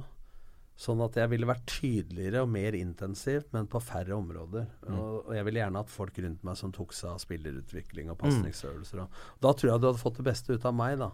For du blir sliten sjøl òg, hvis du skal ha ansvaret for mye. Sånn at eh, selvsagt har jeg gjort ø, noe og gjort feil, men jeg tror at 54 år gammel, med den CV-en jeg har, hvis du bruker hodet i forhold til hva du har opplevd på godt og vondt, så er jo større forutsetning for å være god nå enn noensinne. Men fotball er ferskvare. Så hvis du leder tabellen, så er du aktuell for landslaget eller for uh, Rosenborg eller Djurgården eller Jeg kunne trent lag i Marokko, jeg ja, nå, for eh, millioner og 40 000 på tribunen. Ja. Men jeg har eh, familie. Men der eh, du sier det at eh, noen av dine styrker er den motivasjonen og spillestil. Jeg har jo flere ganger her og andre steder sagt at jeg mener at du bør være en åpenbar kandidat for landslaget. Fordi at der er det jo Du har de i kort tid. Og da, da er det vel de enkle knaggene som du snakka om i Viking. Ikke sant? Du må selge inn noe enkelt som de tror på i den ene kampen, eller de syv kampene. Er du enig? Ja, altså, jeg har fått det som en styrke òg, men min største styrke er jo Altså, min største svakhet er at jeg er altfor snill. Og det er det ingen som tror. Fordi at jeg er jævlig glad i folk. Og jeg, jeg tror jeg har evnen til Jeg kan være knallhard på treningsfeltet i Skeid, men jeg er den som tuller og kødder mest i garderobene. Og jeg har evnen til å legge armen rundt folk, da. Jeg er jævlig glad i folk. Mm. Eh, Så er det mulig jeg ikke er kynisk nok, egentlig, som folk tror. Så hvis du ser meg i kamp, da skal jeg vinne. Da har jeg ikke tid til kollokviegrupper. Eh, Men hvis du ser meg i trening, så tror jeg at jeg har liksom jobba med psykisk utvikling. Jeg har på Ullersmo landsfengsel, vært lærer, har spesialpedagogikk. Så jeg tror jeg er en pedagog. Og jeg var jo kjent som en pedagog. Å få maks ut av folk i start, og så sparke ut ei bøtte. Så har det vist 72 ganger på TV. Og mora mi ringte og spurte hvorfor jeg gjør det hver helg. Så jeg sier ikke at jeg har gjort feil. men da kan du tenke deg hva andre syns. Men, men poenget er at det, Ta det med landslaget. Som alle sier at landslagsjobben er en lederjobb. All trenerjobb er en lederjobb. Men de sier først og fremst er en lederjobb, og det er blitt sagt så mange ganger at alle er enig. Ja, det jeg er. Jeg er dypt uenig. Det er en Dem sier det er en lederjobb slash trenerjobb. Jeg mener det er en trenerjobb slash lederjobb. Mm. Fordi det er mye lettere å lede folk fem ganger fem dager i året enn 365 dager 24-7. Men da mener jeg landslaget har gjort feil. For jeg ville ikke hatt 21 mann i støtteapparatet. Eh, jeg ville ha brukt 90% av tida på hvordan laget skal se ut på Ullevål på kampdagen. Og hatt det apparatet rundt meg som det er nok arbeidsoppgaver til. Ja, men det er jo det når, når du ser på Når vi har hatt suksess med landslaget, med Egil Drillo Olsen, så er det opplagt at det var hans prinsipper, og hvordan han har organisert det landslaget, som jo er jo helt særegent, er jo først og fremst en trenerjobb. Det er ikke fordi han bare har gått inn og vært motivator, det er fordi han har satt opp en dritkynisk, stram organisering. Ja, og så har han Som- trent på det. Ja, og nå, som har Og nå jobber jeg med Drillo to-tre ganger i uka på et fotballakademi, så vi diskuterer hvordan han ville gjort og jeg ville gjort med et landslag. Så, så jeg, jeg blir litt sånn Jeg sier ikke at jeg skal lansere meg sjøl, men jeg blir litt sånn pissed og indignert når jeg ser lista over kandidater på folk som har trent uh, folk et kvarter. Eh, ja, fordi de er ferske akkurat nå. eh, så tror jeg man undervurderer norske trenerstanden, og meg inkludert, hvis man tror at det er bare Solbakken og Solskjær. Altså, se, Solskjær Mange lag har han trent. Hvor stor rutine har han? Jeg sier ikke at han ikke er god nok, men men han, han, han, han, jo, han sleit jo i fjor. ja, men det er jo, det er jo Men det er klart han har vunnet før. Ja, men, Ja. eh, men det har jeg òg. Og det Ja. har andre gjort òg. Men jeg sier at det, jeg tror det er å undervurdere den norske trenerstanden hvis man ikke Og akkurat nå tror jeg man trenger en type Lagerbäck. Enklere midler. Uh, utvikling i klubba. Det er en fantastisk fantastisk trener, Tom. Ja. Det han har gjort med Island. Ja, Helt ja, men det er akkurat det jeg sier. Ja. Men uh, nå hadde det ikke passa å få inn Unnskyld at jeg sier det, en med dress og slips og vest, og penere enn jeg er i bryllup. Mm. Nå må du ha en som går hjem hos Ola, Kari og tanta på Tveita, Mm. uh, fordi, og som er jordnær. Og som på en måte når fram med det enkle til folket Mm. og til spillergruppa. Og som er så stram nå at eh, ja, Så sier folk kan Martin Ødegaard og Samuelsen og Møller der de spille nå? Selvfølgelig. Selvfølgelig kan de. Myggen kunne spille under Drillo. Bohin Akkurat kunne spille under Drillo. At noen ganger så tror jeg at eh, Jeg er så glad for at du sier dette her, som er mye mer fagmann enn meg. For dette, dette har jeg snakka med folk om. At eh, du, Myggen er kanskje landslaget var det laget han var aller best. Ja. Fordi at alle de andre var Og hva var han best på? Han var beste ballvinneren, men alle husker fintene. Ja, men han Ja, han hadde jo noen Ja, men, hadde, men han var god på det òg. Ja, ja. Helt enig. Helt fantastisk førsteforsvarer. Men han hadde jo Altså, han er jo en av de få norske spillerne som du, når, når du ser fotball som publikummer, da, så, som er jo en litt mer sånn hjernedød måte Ja. enn å se fotball på enn deg som trener, så er det ofte så sitter du og sier ja, ja, det funker, de spiller, spiller, spiller. Mm. Men så er det liksom noen ganske få som klarer å slå Oi, faen, hvordan så han den åpninga der? Og det er jo Ikke sant, Myggen er jo en Men av de veldig få. Men jeg ser jo kamper på tre måter. Jeg, mm. Når jeg kommenterer EM, f.eks. De kampene jeg kommenterer, ser jeg som kommentator. Det vil si litt analytisk, men jeg skal formidle det så folk hjemme i sofaen At i 1,5 millioner som ser eh, EM-finalen, så er det 100 000 som skjønner fotball. Resten har cola, øl og potetgull og skal kose seg. Så ser jeg dem når jeg sitter som supporter, når jeg sitter eh, og spiser sammen med hovedkommentatoren Christian Nilsen og, og dem tar en øl og så og, ser på kampen som en supporter. Da skal jeg bli underholda. Da ser jeg etter de samme tinga som du sier. Og så ser du dem hvis du skal analysere en motstander eller å forberede deg til kamp, spill, motspill. Da ser du dem med analytiske øyne. Men jeg ser flest kamper som supporter. Eller for å være på tribunen i en, eh, en eh, lokalfotballkamp og prate sosialt med, med venner. Altså det har jo Alle dimensjonene har du i fotball. Men jeg mener at eh, ferdigheter er jo den begrensende faktoren for all spillestil. Så uansett spillestil, så mener jeg at du kan ha bruk for sånne typer som vi prater om her, da. Ja, definitivt. Altså Birker Bjarnarsson, er, er han noe tårn, da? Nei, men er, altså, er, er, er ikke Gylfi Sigurdsson en spiller som har ja. fantastisk førstetouch og et helt nydelig høyesterenivå? Kan han fungere under Lagerbäck? Ja, definitivt. Og det Så- kan selvfølgelig jeg- også Martin Ødegaard når Martin Ødegaard Men det er blir, det blir å forenkle fotballen litt for mye å tro at Drillo og Lagerbäck det er spark til månen og løp etter. Men ikke sant, Ja. Det er vel ingen som har spilt så mye gjennom midten eh, som Drillo og Lagerbäck i kontringsfasen. Men du husker det for den lange flopasningen mot etablert, ikke sant? Ja, men så er det jo det at det skal liksom én pasning, og så én pasning. Ja, Men gjerne via midten, selvfølgelig. men Drillo sier én ting. Hvis de beste laga hadde vært litt mer gjennombruddssissige, så hadde ikke eh, underdogen hatt sjanse noen gang. Det er jeg litt enig i. For jeg ser Tyskland i EM, som er det klart beste laget etter min mening. Jeg mener at angrepslaget har litt ansvaret for at eh, Nord-Irland og Wales og, og Island kan parkere bussen på egen 16. Mm. Fordi at de motstanderne de angriper så seint med Ja, ferdigheter, og så stoler de på den ene luka de får. Hvis de hadde spilt litt mer som under Job Heinkes da i Bayern, Mm. så tror jeg det hadde vært enda verre å slå dem. Så jeg mener at det er en grunn til at måla står i enden av parken, da, som mutter'n sier. Ja, ja. Ballen skal inn i den hengekøya. De stokker på tvers. Det er grusomt mesterskap, egentlig. Det var kjedelig, men eh, Ja, sånn ja, sett. for det, Men det var jo, det Men- var jo så Men Men, det var jo det defensive Men syns du det er kult å se eh, et lag som har 100 touch på egen halvdel i ballbesittelse? Er det kult, eller Ja. er det kult når det er litt framover og dueller og action? Og Ja, der, er- der er jeg litt delt, altså. Ja, Fordi at jeg var altså eh, Jeg ser jo poenget ditt veldig godt, men jeg var jo veldig sånn besnæra av Barca under Pep. Altså, Jeg syns jo det var besnærende å se. Å se Iniesta, Savi, Messi Altså, når, når alt dette skjedde for første gang, så syns jeg jo det var besnærende. Så har man kanskje også sett med Pep andre steder at uh, du, han er fantastisk, men kanskje trenger du en Messi for at det skal funke skikkelig, skikkelig bra. Men Men, syns du ikke ja. det var besnærende? Jo, men jeg syns jo det er hakket kulere å se på Barcelona nå, når de har Messi ute på kanten og Suárez i midten, og det går litt mer framover. Ja, de det spiller syns jeg er er kulere. helt enig, men det, det som også var veldig bra med Barca under Pep, det var jo den gjenvinningsjobben de gjorde. Fantastisk! Med en Så gang de mista ballen, så skulle de vinne tilbake Men det var det gang. som var mitt poeng med Myggen. Han, Ja. At eh, vi, vi husker Barca og Myggen for det de gjorde med ball, Mm. men det vi glemmer litt, at ferdighetene for å vinne igjen Ja. uh, var kanskje Myggen og Barcelona. Altså, Ja, men så du Og der var jo Barca ekstremt bra under Pep. Altså Ja. den hurtiggjenvinningen. Ja, ja. De første sekundene etter foran, ballmist. altså. Og da kan det stå i ubalanse bak. Da bør det ikke være overtall hvis Nei. du er best på det. Og det, uten sammenligning, da, så var jo det litt som kjennetegna det laget jeg hadde i start. Mm. Den derre gjenvinninga og aggressiviteten. Folk spurte jo om vi presser høyt eller lavt. Jeg ser vi presser der ballen er. Så, Mm. så hender vi blei spilt lave. Ja.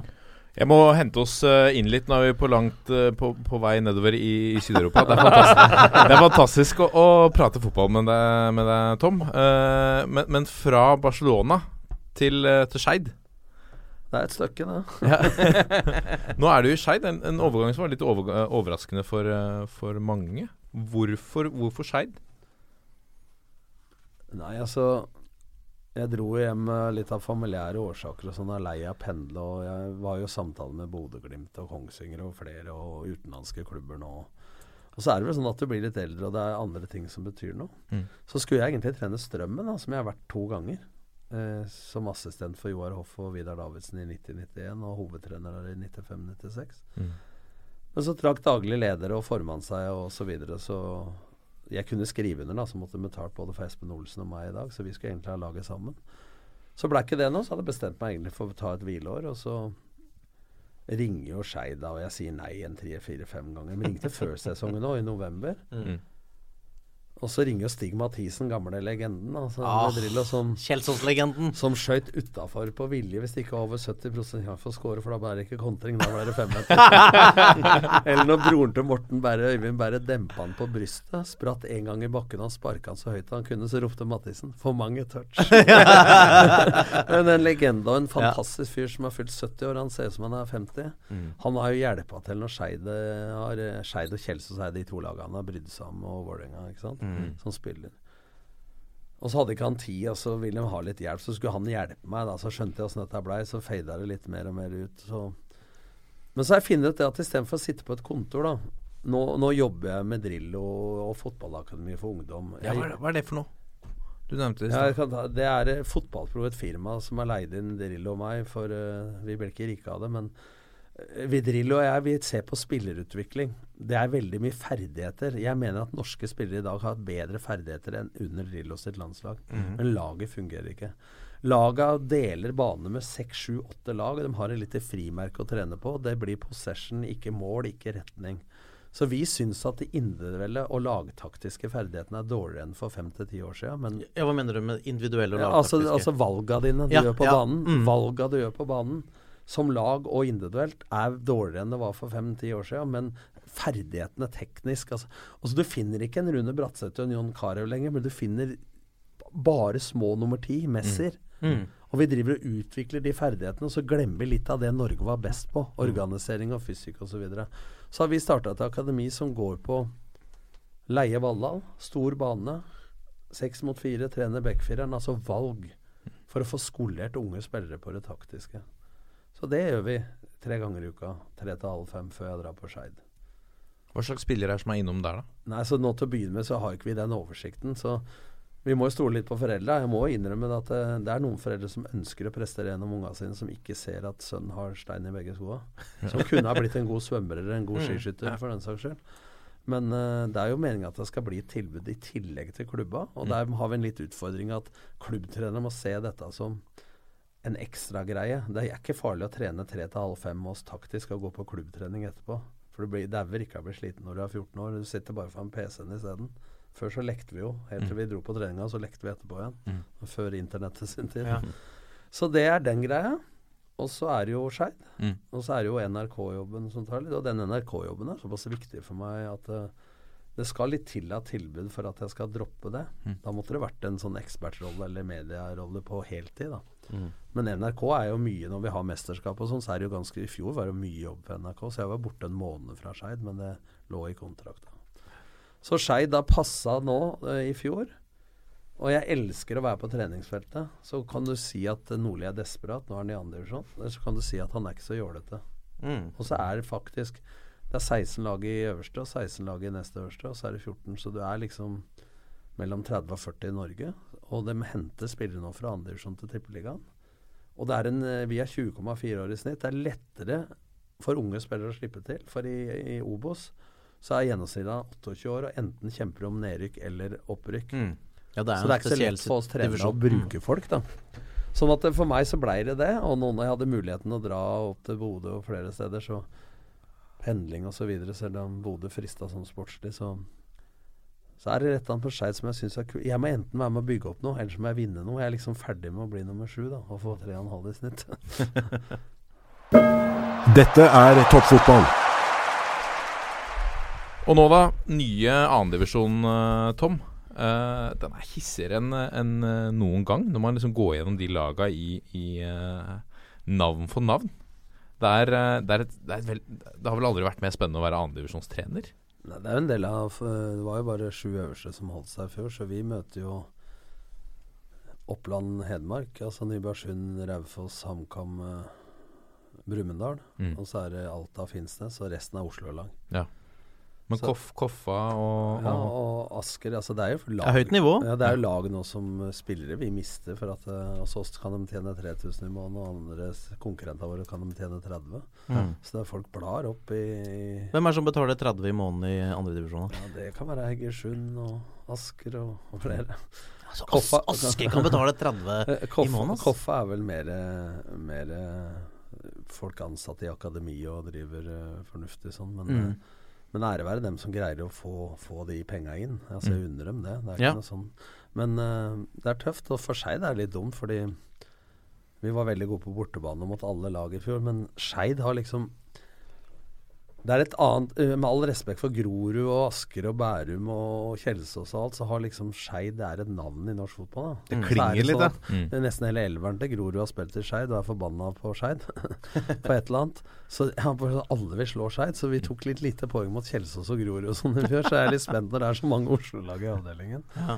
Men, eh, men det er tøft. Og det er eh, Jeg ser at gjennom apper og Twitter og at folk bryr seg om Kall det lokalfotball. Da. Mm. Og det er blitt en del av norsk toppfotball og en rekrutteringsavdeling for uh, divisjon for uh, Tippeligaen. Eller For nå er liksom ikke Mm. Steget til Eliteserien er liksom ikke så Det er ikke så bratt uh, lenger. Nei, se Lillestrøm da henter jo to-tre fra andredivisjon. Haugesund henter to av våre spillere. Sarpsborg har gjort dette her i en årrekke. Ja. Henta andredivisjonsspillere og lagd tippeligamateriale av det. Det fins enkeltspillere i andredivisjon som er gode nok både for elver og ikke minst tropper. eh, helt uten tvil. Mm. Og, og de er jo litt yngre i gjennomsnittsalder i andredivisjon enn det er i Obos.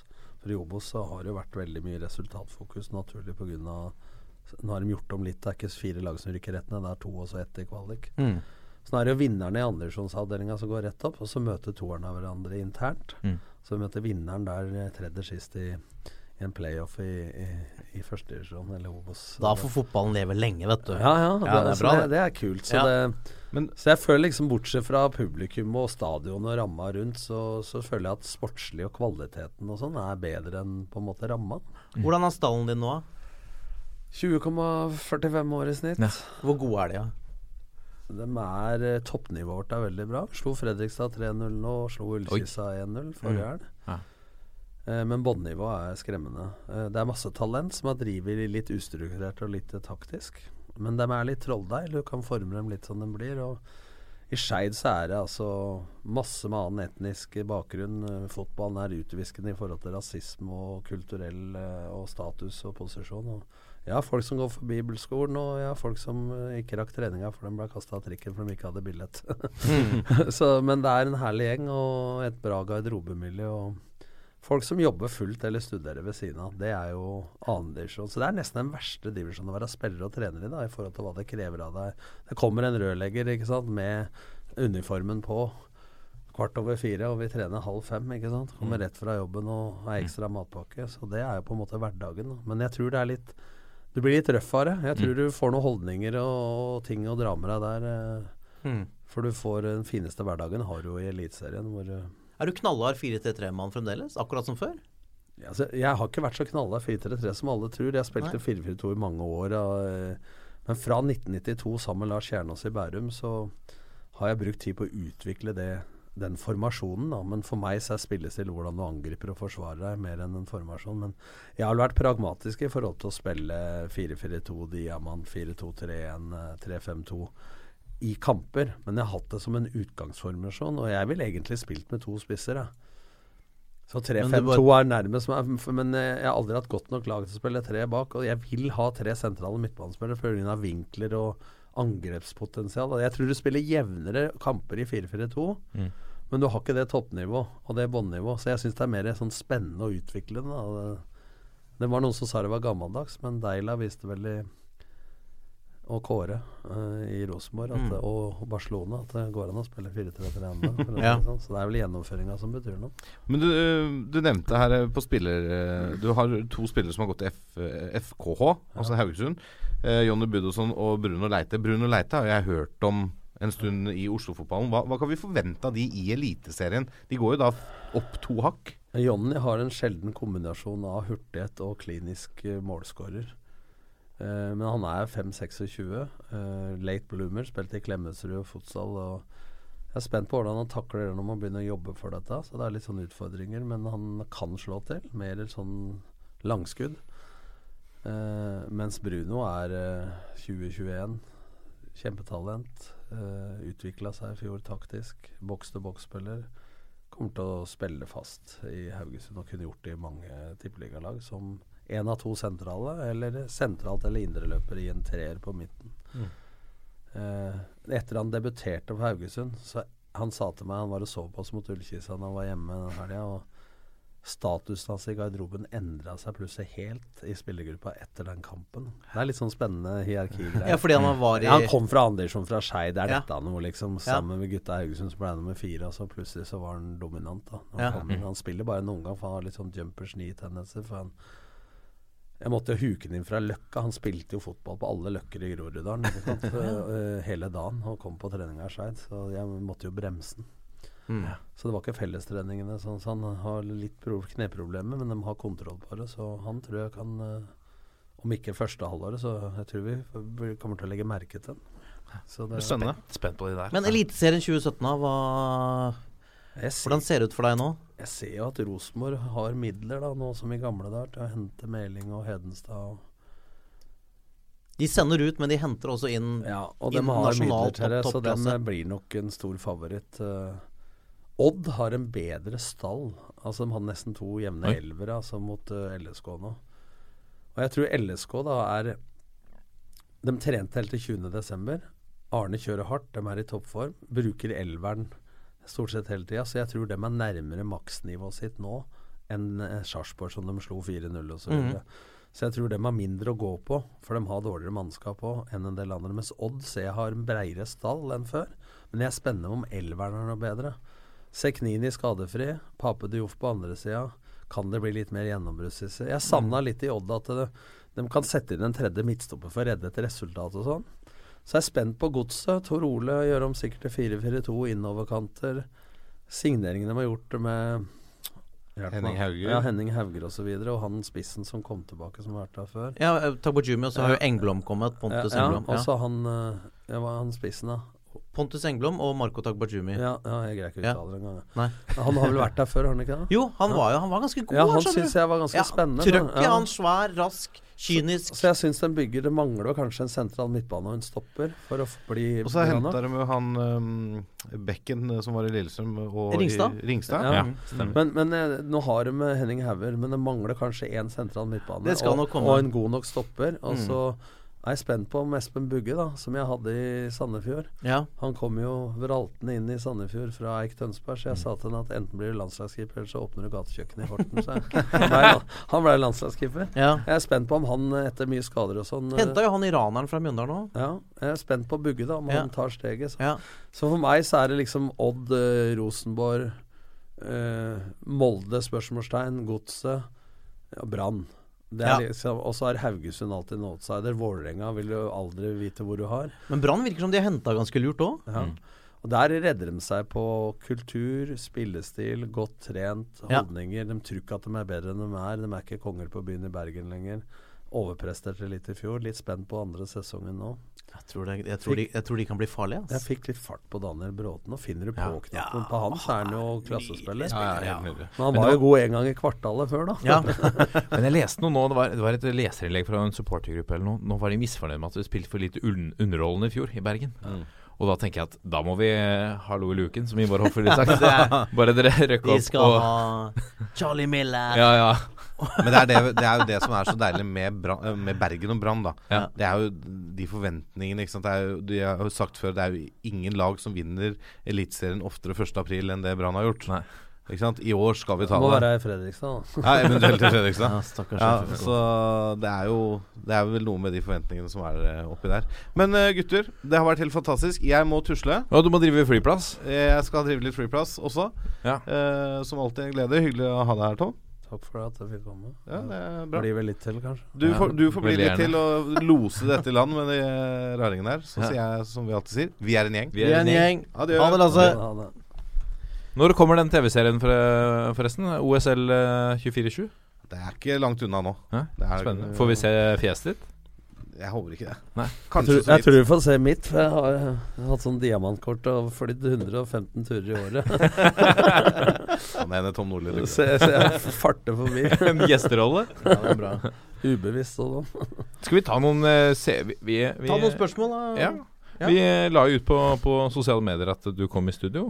Eh, trenerlegenden Tom Nordli, som jeg beskrev deg som. Eh, jeg mener jo det er på sin, i sin plass. Og da fikk vi en, en uh, liten strøm av spørsmål tilbake.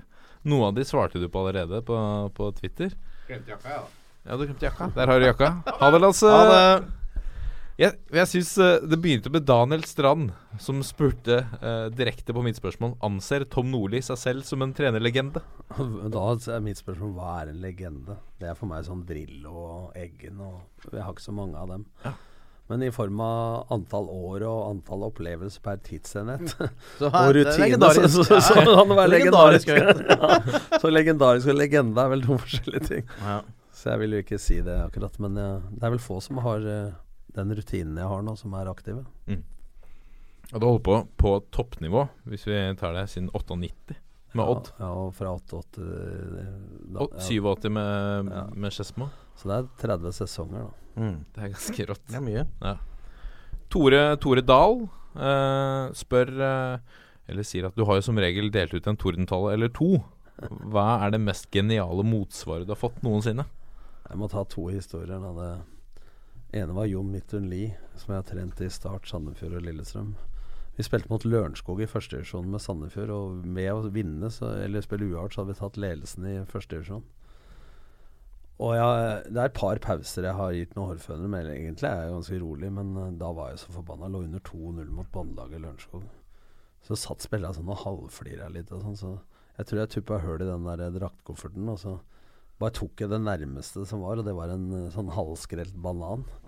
Og den satt i veggen over uh, uh, huet på Jon Midtun Lie. Han er jo en type som bruker de rosa sine i VG til oppi blomsterpotta. Og ikke bryr seg så mye om fotball og har lavt spenningsnivå og spør nesten hvem skal vi møte i cupfinalen. Så han bare titta opp på meg nå, og den bananmosen rant nedover. eh, Så sa han 'Nå syns jeg det gikk litt langt'. og så har du legenden som Håvard kjenner, Thomas Rød da, fra Ja. Åssiden utafor Drammen, som spilte i Godset under Dag Vidar Kristoffersen. Kommer jo som slakt fra, til meg i Odd, og ingen ville ikke ha han i Godset. Skårte åtte-ni mål i Tippeligaen fra venstrevingen. Nydelig første touch. Ja, og går innover og køler den i lengste. Og så, så hadde jeg skrevet Jeg gikk jo på sånn D-kurs, da, som det het. Uefa A-lisens. Og så Ja. tok pro-lisens i, i 2004, men dette var i 98. Så skrev jeg oppgave om spillestilen. og Vi hadde Ronny Deila i forsvar og Bård Borgersen og drev med frispilling bak og skulle spille oss ut. Og det var vel eh, 17 minus, tror jeg, på gamle kunstgressbanen i Skien. Og han sto ute på venstrevingen der da og, og venta på å få ballen. Og så Jeg var jo frustrert som faen for at de ikke fikk til dette bak. Og Mm. dem framme var jo arbeidsledige. Så, Ja. så smeller det fra Thomas Rød. Hei, du Nordli. Nå har du kommet til side 88 i den jævla oppgaven. Jeg har faen ikke fått ballen enda. Hva skal du gjøre med det, sa Thomas. Da er det vanskelig å bli forbanna. Fantastisk fyr. oh, um, uh, Marius, eh, som heter Can't Play Fifa på, på Twitter, spør hvor fristende er det å trene landslag kontra et Premier League-lag? Hva ville du valgt? Ingenting er en option akkurat nå. Nei. Nei, men hvis- altså, men jeg mener at sånn fotballfaglig, eh, og med den ballasten jeg har hatt uh, i media, både jobbe i media i 16 år og, og som intervjuobjekt, så føler jeg at jeg har mer enn nok ballast til å takle trøkket, uansett om det er på et landslag eller uh, i Premier League. Mm. Så hvis det, noen gang skulle bli en option, skal du velge det eller det, så får jeg ta det da. Men eh, jeg hadde ikke vært redd for noen av delene, for å si det sånn. Jeg har sett på som en utfordring. Du, ja, du, hadde, du hadde ikke vært redd for kulturforskjellen i Premier League. Det er jo så mange norske trenere nå som har på en måte slitt med det. Man kan jo lære litt av dem da, ved Ja. å prate med dem. Jeg jobber sammen med Drillo to ganger i uka. Og hadde vel ikke gjort som han møtte opp i Pæler og Nei. sagt at det dere driver med, er bare tull. Trond Solli tok en tilnærming i Belgia hvor han begynte å spille soneforsvar i et lag som spilte markeringstopper og sweeper. Mm. Men han sa ikke at det var noe annet. Det bare funka. Plutselig spilte alle lag i Belgia sone. Ja. Så det har noe med altså, tilnærminga å gjøre. Da, som, hva, eh, hva, gjør Trond Solli nå? Han bor i Belgia med kone og barn. Og Men har han noe treneroppdrag? Nei, ikke akkurat. Nei. Han var jo Jeg traff ham på cupfinalen altså, i 2004. 15. Ja. Han har jo noen meget imponerende resultater. Altså. Ja, Fantastisk. Ja. Dyktig fyr som har gått litt uh, under radaren de siste årene. Mm. Uh, Balumbas uh, spør med, med kallenavnet Inni Gampen. Hvem er den største profilen du trente i Sandefjord? Er det noen profiler i Ja, Sandefjord? det er, det er et umulig spørsmål. Det mener jeg. Nei, det hadde sånn, dem som har gjort det bra etterpå, var jo Ja. type Jeg hadde Tom Helge Jacobsen i Sandefjord som var i Odd, men du hadde jo Geir Ludvig Fegvang som var assistenttrener i Sandefjord. Spilte jo i, i Start og Lie. Du har Fredrik Thorsen var jo Ja, en type ja. profil. Ja, han var Selv om han sånn- kanskje ikke var best alltid, Nei, så var han han var umulig å spille mot umulig å spille med. Ja, ja. Så det Magic er Thorsen. profil. Ja. Han bugger mål, da. Bugger med gatekjøkkenet sitt. Han Ja. var jo legende. Men Jallan òg var bra. Ja, Jørgen var eh, bra, ble jo solgt til Vålerenga. Ja, så det var noen typer da som har blitt uh, tippeligaspillere etterpå. Ja. Så Har du sendt inn et spørsmål, Håvard? Jeg valgte bort å sende et spørsmål siden jeg hadde oppmøteplikt i studio. uh, jeg, jeg liker uh, Hvis jeg kan få velge et spørsmål Ja, fra Concord eh, Sports. Det ser ut som en nærmest offisiell side. Ja. Uh, from America. Have you seen any Africa player in Norway that could compare to Peter EJ? Scoring rate impact. Det er Peter EJ sjøl som står bak denne kontoen. Men altså, eh, har du sett noen afrikansk spillere i Norge som kan ha hatt samme impact på norsk toppliga som det Peter EJ hadde? altså Ikke som jeg har trent, du hadde Balla Garba en stund, men du, du, du har jo sånn Anthony Ucha Mhm. som var i Lillestrøm. Du hadde, Ah, ja. hadde Fred Friday nå Mm. på slutten. Eh, Men de blir kort, ikke sant? Fordi Ja. de er for gode. ja. Ja. Så Nei, altså det var en målmaskin, så det er ikke så mange som uh, måler seg med altså hvis jeg, Nå er ikke hukommelsen så god som spontant, men uh, Peter Irre er vel en av de som var målsnik de luxe, kunne være helt borte i kampen. Legende på så mange måter. Ja, så han var legende på treningsfeltet. Han og Øyvind Svenning slåss. Ja. Og Jeg hadde vært i Viking i to dager. Og så var det egentlig Peter Idre sin feil. da Så var jo Svenning litt ute i av laget, og så var Peter Idre vært ute av laget, men han skulle jeg satse på. Og så hadde jeg valget mellom en trønder da, eller en høy, stor mørk en. Som jeg sa til Svenning etterpå, ti år etterpå. Han lurte på hvorfor jeg holdt med Peter. Så sa jeg at jeg fortalte det. Så jeg, hvem vil jeg møte i mørk bakgate på Tøyen klokka to på lørdagsnatt? Er det Svenning eller er det Peter Ydre? Ja. Og valgte jeg å holde med Peter Ydre. Men var det alltid gått så mye rykter om Peter Reed at han jugde på alderen og sånn? Ja, altså det er ingen som har funnet ut det. Altså. Er, det, er det reelt, eller er det så fascinerende, de historiene? Jeg tenker alltid, Er det rykter, så tenker jeg Hvorfor er det ingen som bare drar til Afrika og finner det ut? Alltid syns det har vært rart. For de, de ryktene har alltid versert. Men jeg bryr meg ikke så mye om det. For han putta Ja, ja, ja. elleve Ja, kasser på sju er. kamper. Men eh, ja, samme, hvis han putter dette året, så trenger du kanskje ikke bekymre deg om han er pensjonist. eh. Han, han, er, han er trener nå i Varia Syriska. Han er trener i svensk, en av de to øverste Ja, divisjonene. han er det. Pascal Simpson òg er der. Å, lekne typer. Tenkte jeg de på bar etter match, da. Det er Pagge. Ja. Jeg må fortelle Pascal Simpson. da. Han Ja. eh, var jo profil, men eh, Han var ikke, Beste han, var ikke skåringsfarlig. Nei, men altså Få to millioner av han til FC København. Ja, det er så, utrolig. så sa Roy Hodgson når han kom til FCK Ja. Han trodde han var like god som i AIK. Han played the ball to the big black man and he do the rest. Han, han gjorde ikke. Men hadde jo frikort på alle utestedene i Oslo her. da Han Ja, kasta jo folk inn, han. Han var så populær. Han Var jo Ja. fantastisk fyr. Ja, ja, ja. Men han var jo en av de som jeg kanskje burde omskolert eller fjerna litt tidligere. For Mm. han var vel litt mer der enn eh, enn på treningsfeltet i 2000. Sjarmerende type. Jeg har sagt det før uh, i dette studio. Uh, jeg husker jeg så debutkampen hans, eller en av de første kampene etter han kom fra AIK. Han kom jo som en stjerne. Mm. Og da husker jeg Det var en av de første Vålerenga-kampene jeg så, og da tapte han i lufta mot Arild Berg. og han var så tung. Han letta ikke fra bakken. Nei, han var, var Det var vel da, dårlig I- trent. det var vel da Ivar Hoff uttalte at han hadde spent som en bløt tepose. Ja. Jeg å ta med et spørsmål fra Trym Olsen, som jeg synes var litt eh, Han har eh, kallenavnet Olsen Trym 2000, så han er vel kanskje en eh, 17 Jeg, år? jeg jeg veit hvem det er. Han Ja, var en av de på akademiet. Oh, ja. Man måtte slutte nå pga. fravær på skolen, tror jeg. Oi. Han lurer på hvordan bli en like god fotballtrener som deg.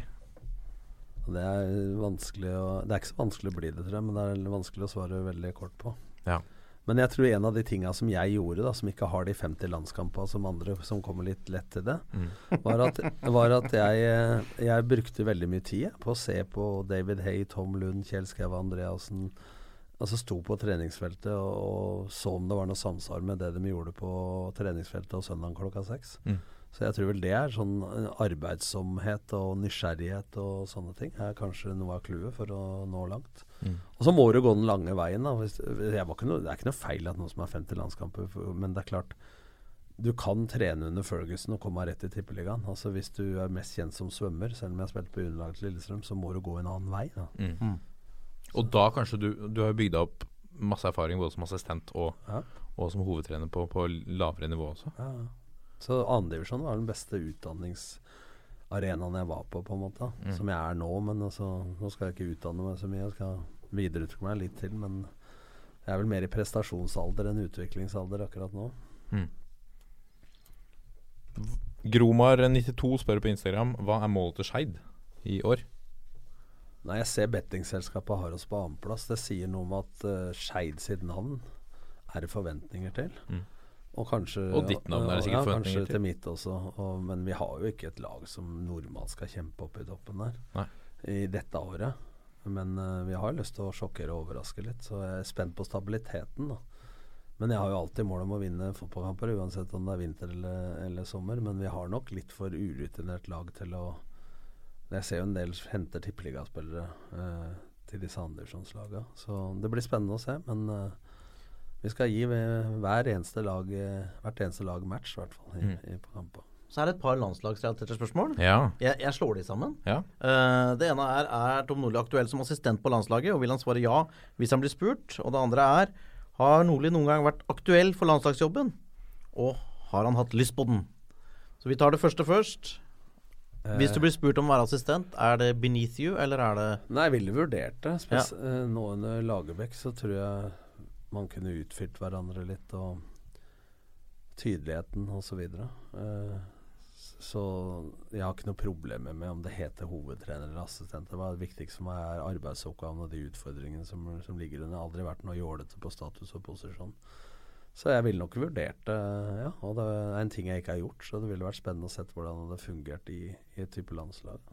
Har du vært eh, Da hopper jeg over om du har hatt lyst på landslagsjobben. Da tar jeg det som eh, gitt. Og så har du noen gang Har du noen gang vært aktuell? Blitt eh, spurt, blitt konferert med? Nei, altså det er mer sånn uoffisielt gjennom agenter og sånne ting. Det var nok kanskje litt nærmere den gangen Drillo ble ansatt andre gangen. Mm. Men jeg har aldri vært liksom i møte konkret om, om jobben. Og det var jo litt sånn som med Drillo. Når han fikk jobben i 1990, så kom han fra U21, men han var jo litt kontroversiell. og den kampen mot Kamerun 6-0, så ble jo noe der med stor suksess. Så Han, han var jo regna som en midlertidig løsning etter Ja. at, de måtte, at Stadheim måtte gå. Men det er jo kanskje Se på andres menneskers kunnskap som en ressurs og ikke en trussel, er vel Mm. kanskje viktig. Ja, for de ville ikke ha han. Jeg husker jeg hørte den storyen fra flere i Fotballforbundet. Det var ikke- Han var ikke ønska. Og så var det litt sånn De hadde jo ikke noe valg. De måtte beholde den etter 6-0 mot Kamerun, eller hva det var for noe.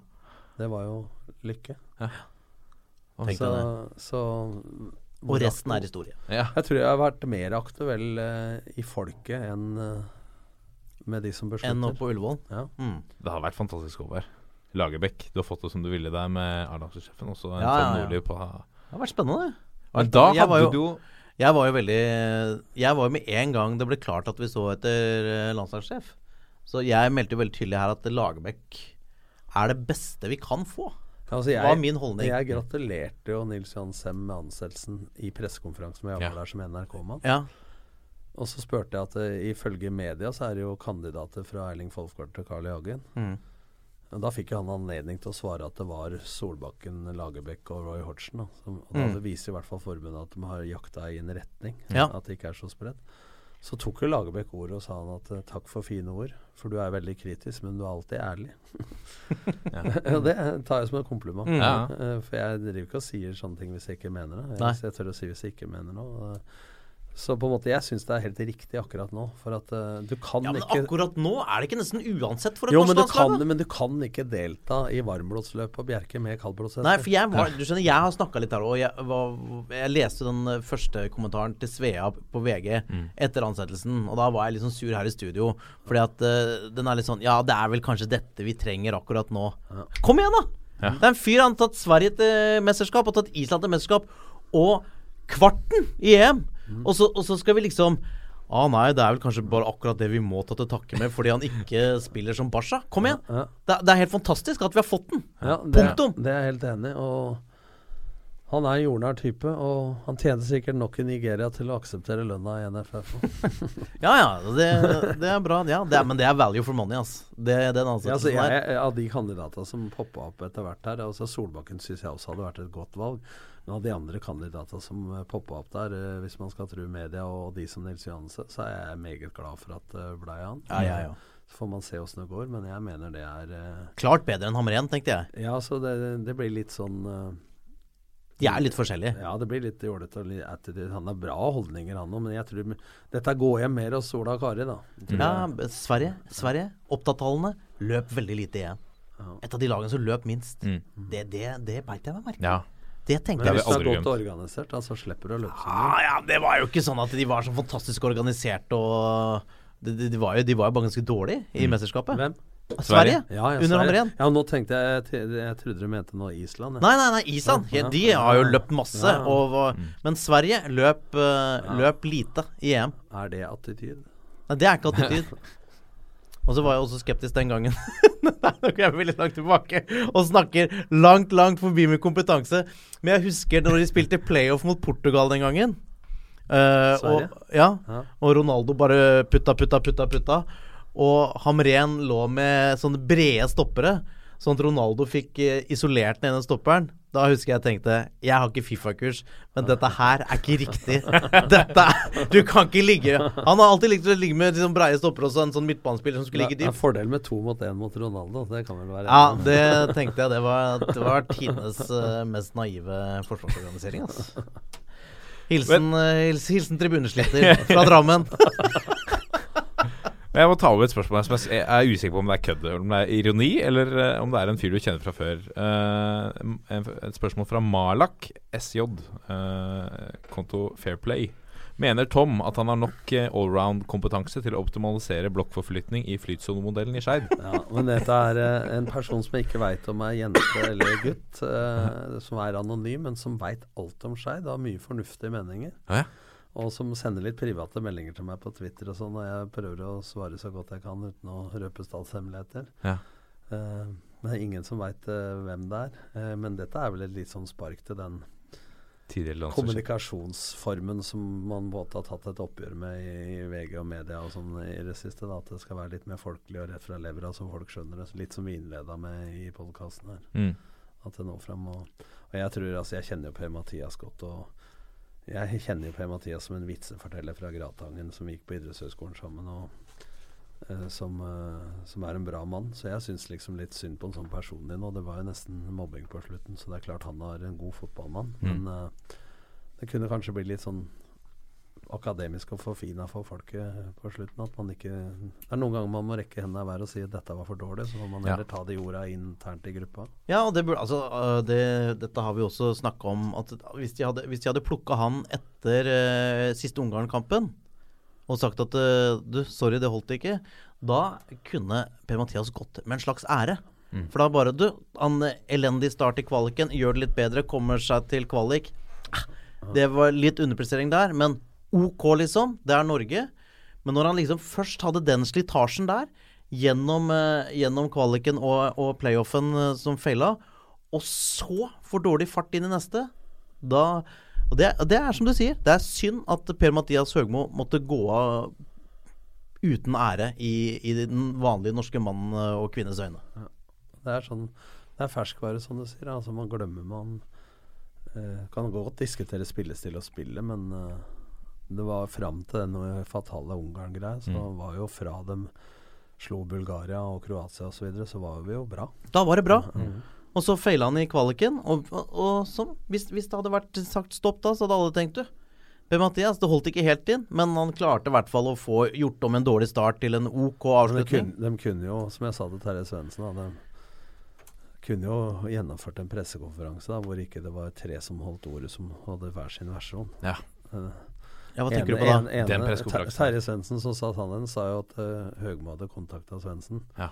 Så sa assisterende generalsekretær at det var han som hadde kontakta Høgmo. Det stemmer også, men det var jo for en vanlig medarbeidersamtale. Men ble Mm. ikke oppfatta sånn i Og så avslutter pressesjefen med å si at eh, presser at han ikke har fått sparken, men at eh, er dette er vi blitt enige om. Altså det blir tre versjoner, da. Ja, ja, men det var Høgmo som ringte Svendsen først og sa at er kunne jo bare sagt at eh, NFF og Per Mathias Høgmo har hatt et møte. Vi har blitt Mm. enige om at partene skilles. Og det foreligger en sluttavtale som er en forhold mellom arbeidsgiver og arbeidstaker, Mm. og vil ikke bli kommentert videre. Nei. Nå ble jeg nesten mediesjef i NFF akkurat nå. Ja ja, men det kunne vært gjort sånn. Da. Så, Kunne vært så gjort jeg, sånn. jeg syns at det gikk Men- litt men Per- utover Per Mathias måten det ble Ja. håndtert på. da Men det der, det der varte så lenge at det varte helt til han måtte gå. Mm. Enten om initiativet kom fra han eller noen andre. Så Og så er spørsmålet sånn. om du skal være opptatt av at man har trukket seg, eller å bare si som jeg sa i start, jeg fikk en støvel i ræva. Det er nesten så du får mer sympati for det, da. Det vil alltid stå i VG at han fikk sparken. Ja, ja. Det er bare Ja, det har stått om meg selv når jeg ikke har fått det. Ja, Så- så, sånn, sånn er det. Ja. Det er bare ikke bry seg om det. Men jeg håper, jeg håper vi får se fotballmannen Per-Mathias uh, i en rolle Ja. i norsk fotball igjen. Kanskje Tom Nordli Eller kanskje i svensk fotball. Han, har jo, han er jo høy stjerne i svensk fotball etter, eh, Djurgården. etter Djurgården. Ja. Mm. Vi gleder oss. Uh, Tom, tusen takk for at du kom. Det har vært en glede Ja. eh, Takker for det. å prate fotball med deg. eh, og lytte. Ja, det er gøy, altså. Ja. Jeg liker når det blir litt Ja, var fin. Så, I dag syns jeg var fint. Ja. Så, så langt skal jeg strekke meg. det var raust. ja. Det er egentlig kjempeskryt. Vi er uh, Toppfotball på Facebook, Twitter og Instagram. Send uh, gjerne inn noen uh, spørsmål. Dere har vært veldig flinke før dagens sending. Eh, og legg gjerne inn en rating også på iTunes, så, så blåser vi det ut på lufta. Eh, skal vi avslutte med som vi alltid Ja. sier? Tom, er du med? Ja. Da så er det 1, 2, 3, og så er det Vi er en gjeng. 1, 2, 3. Vi er en gjeng! Takk for nå.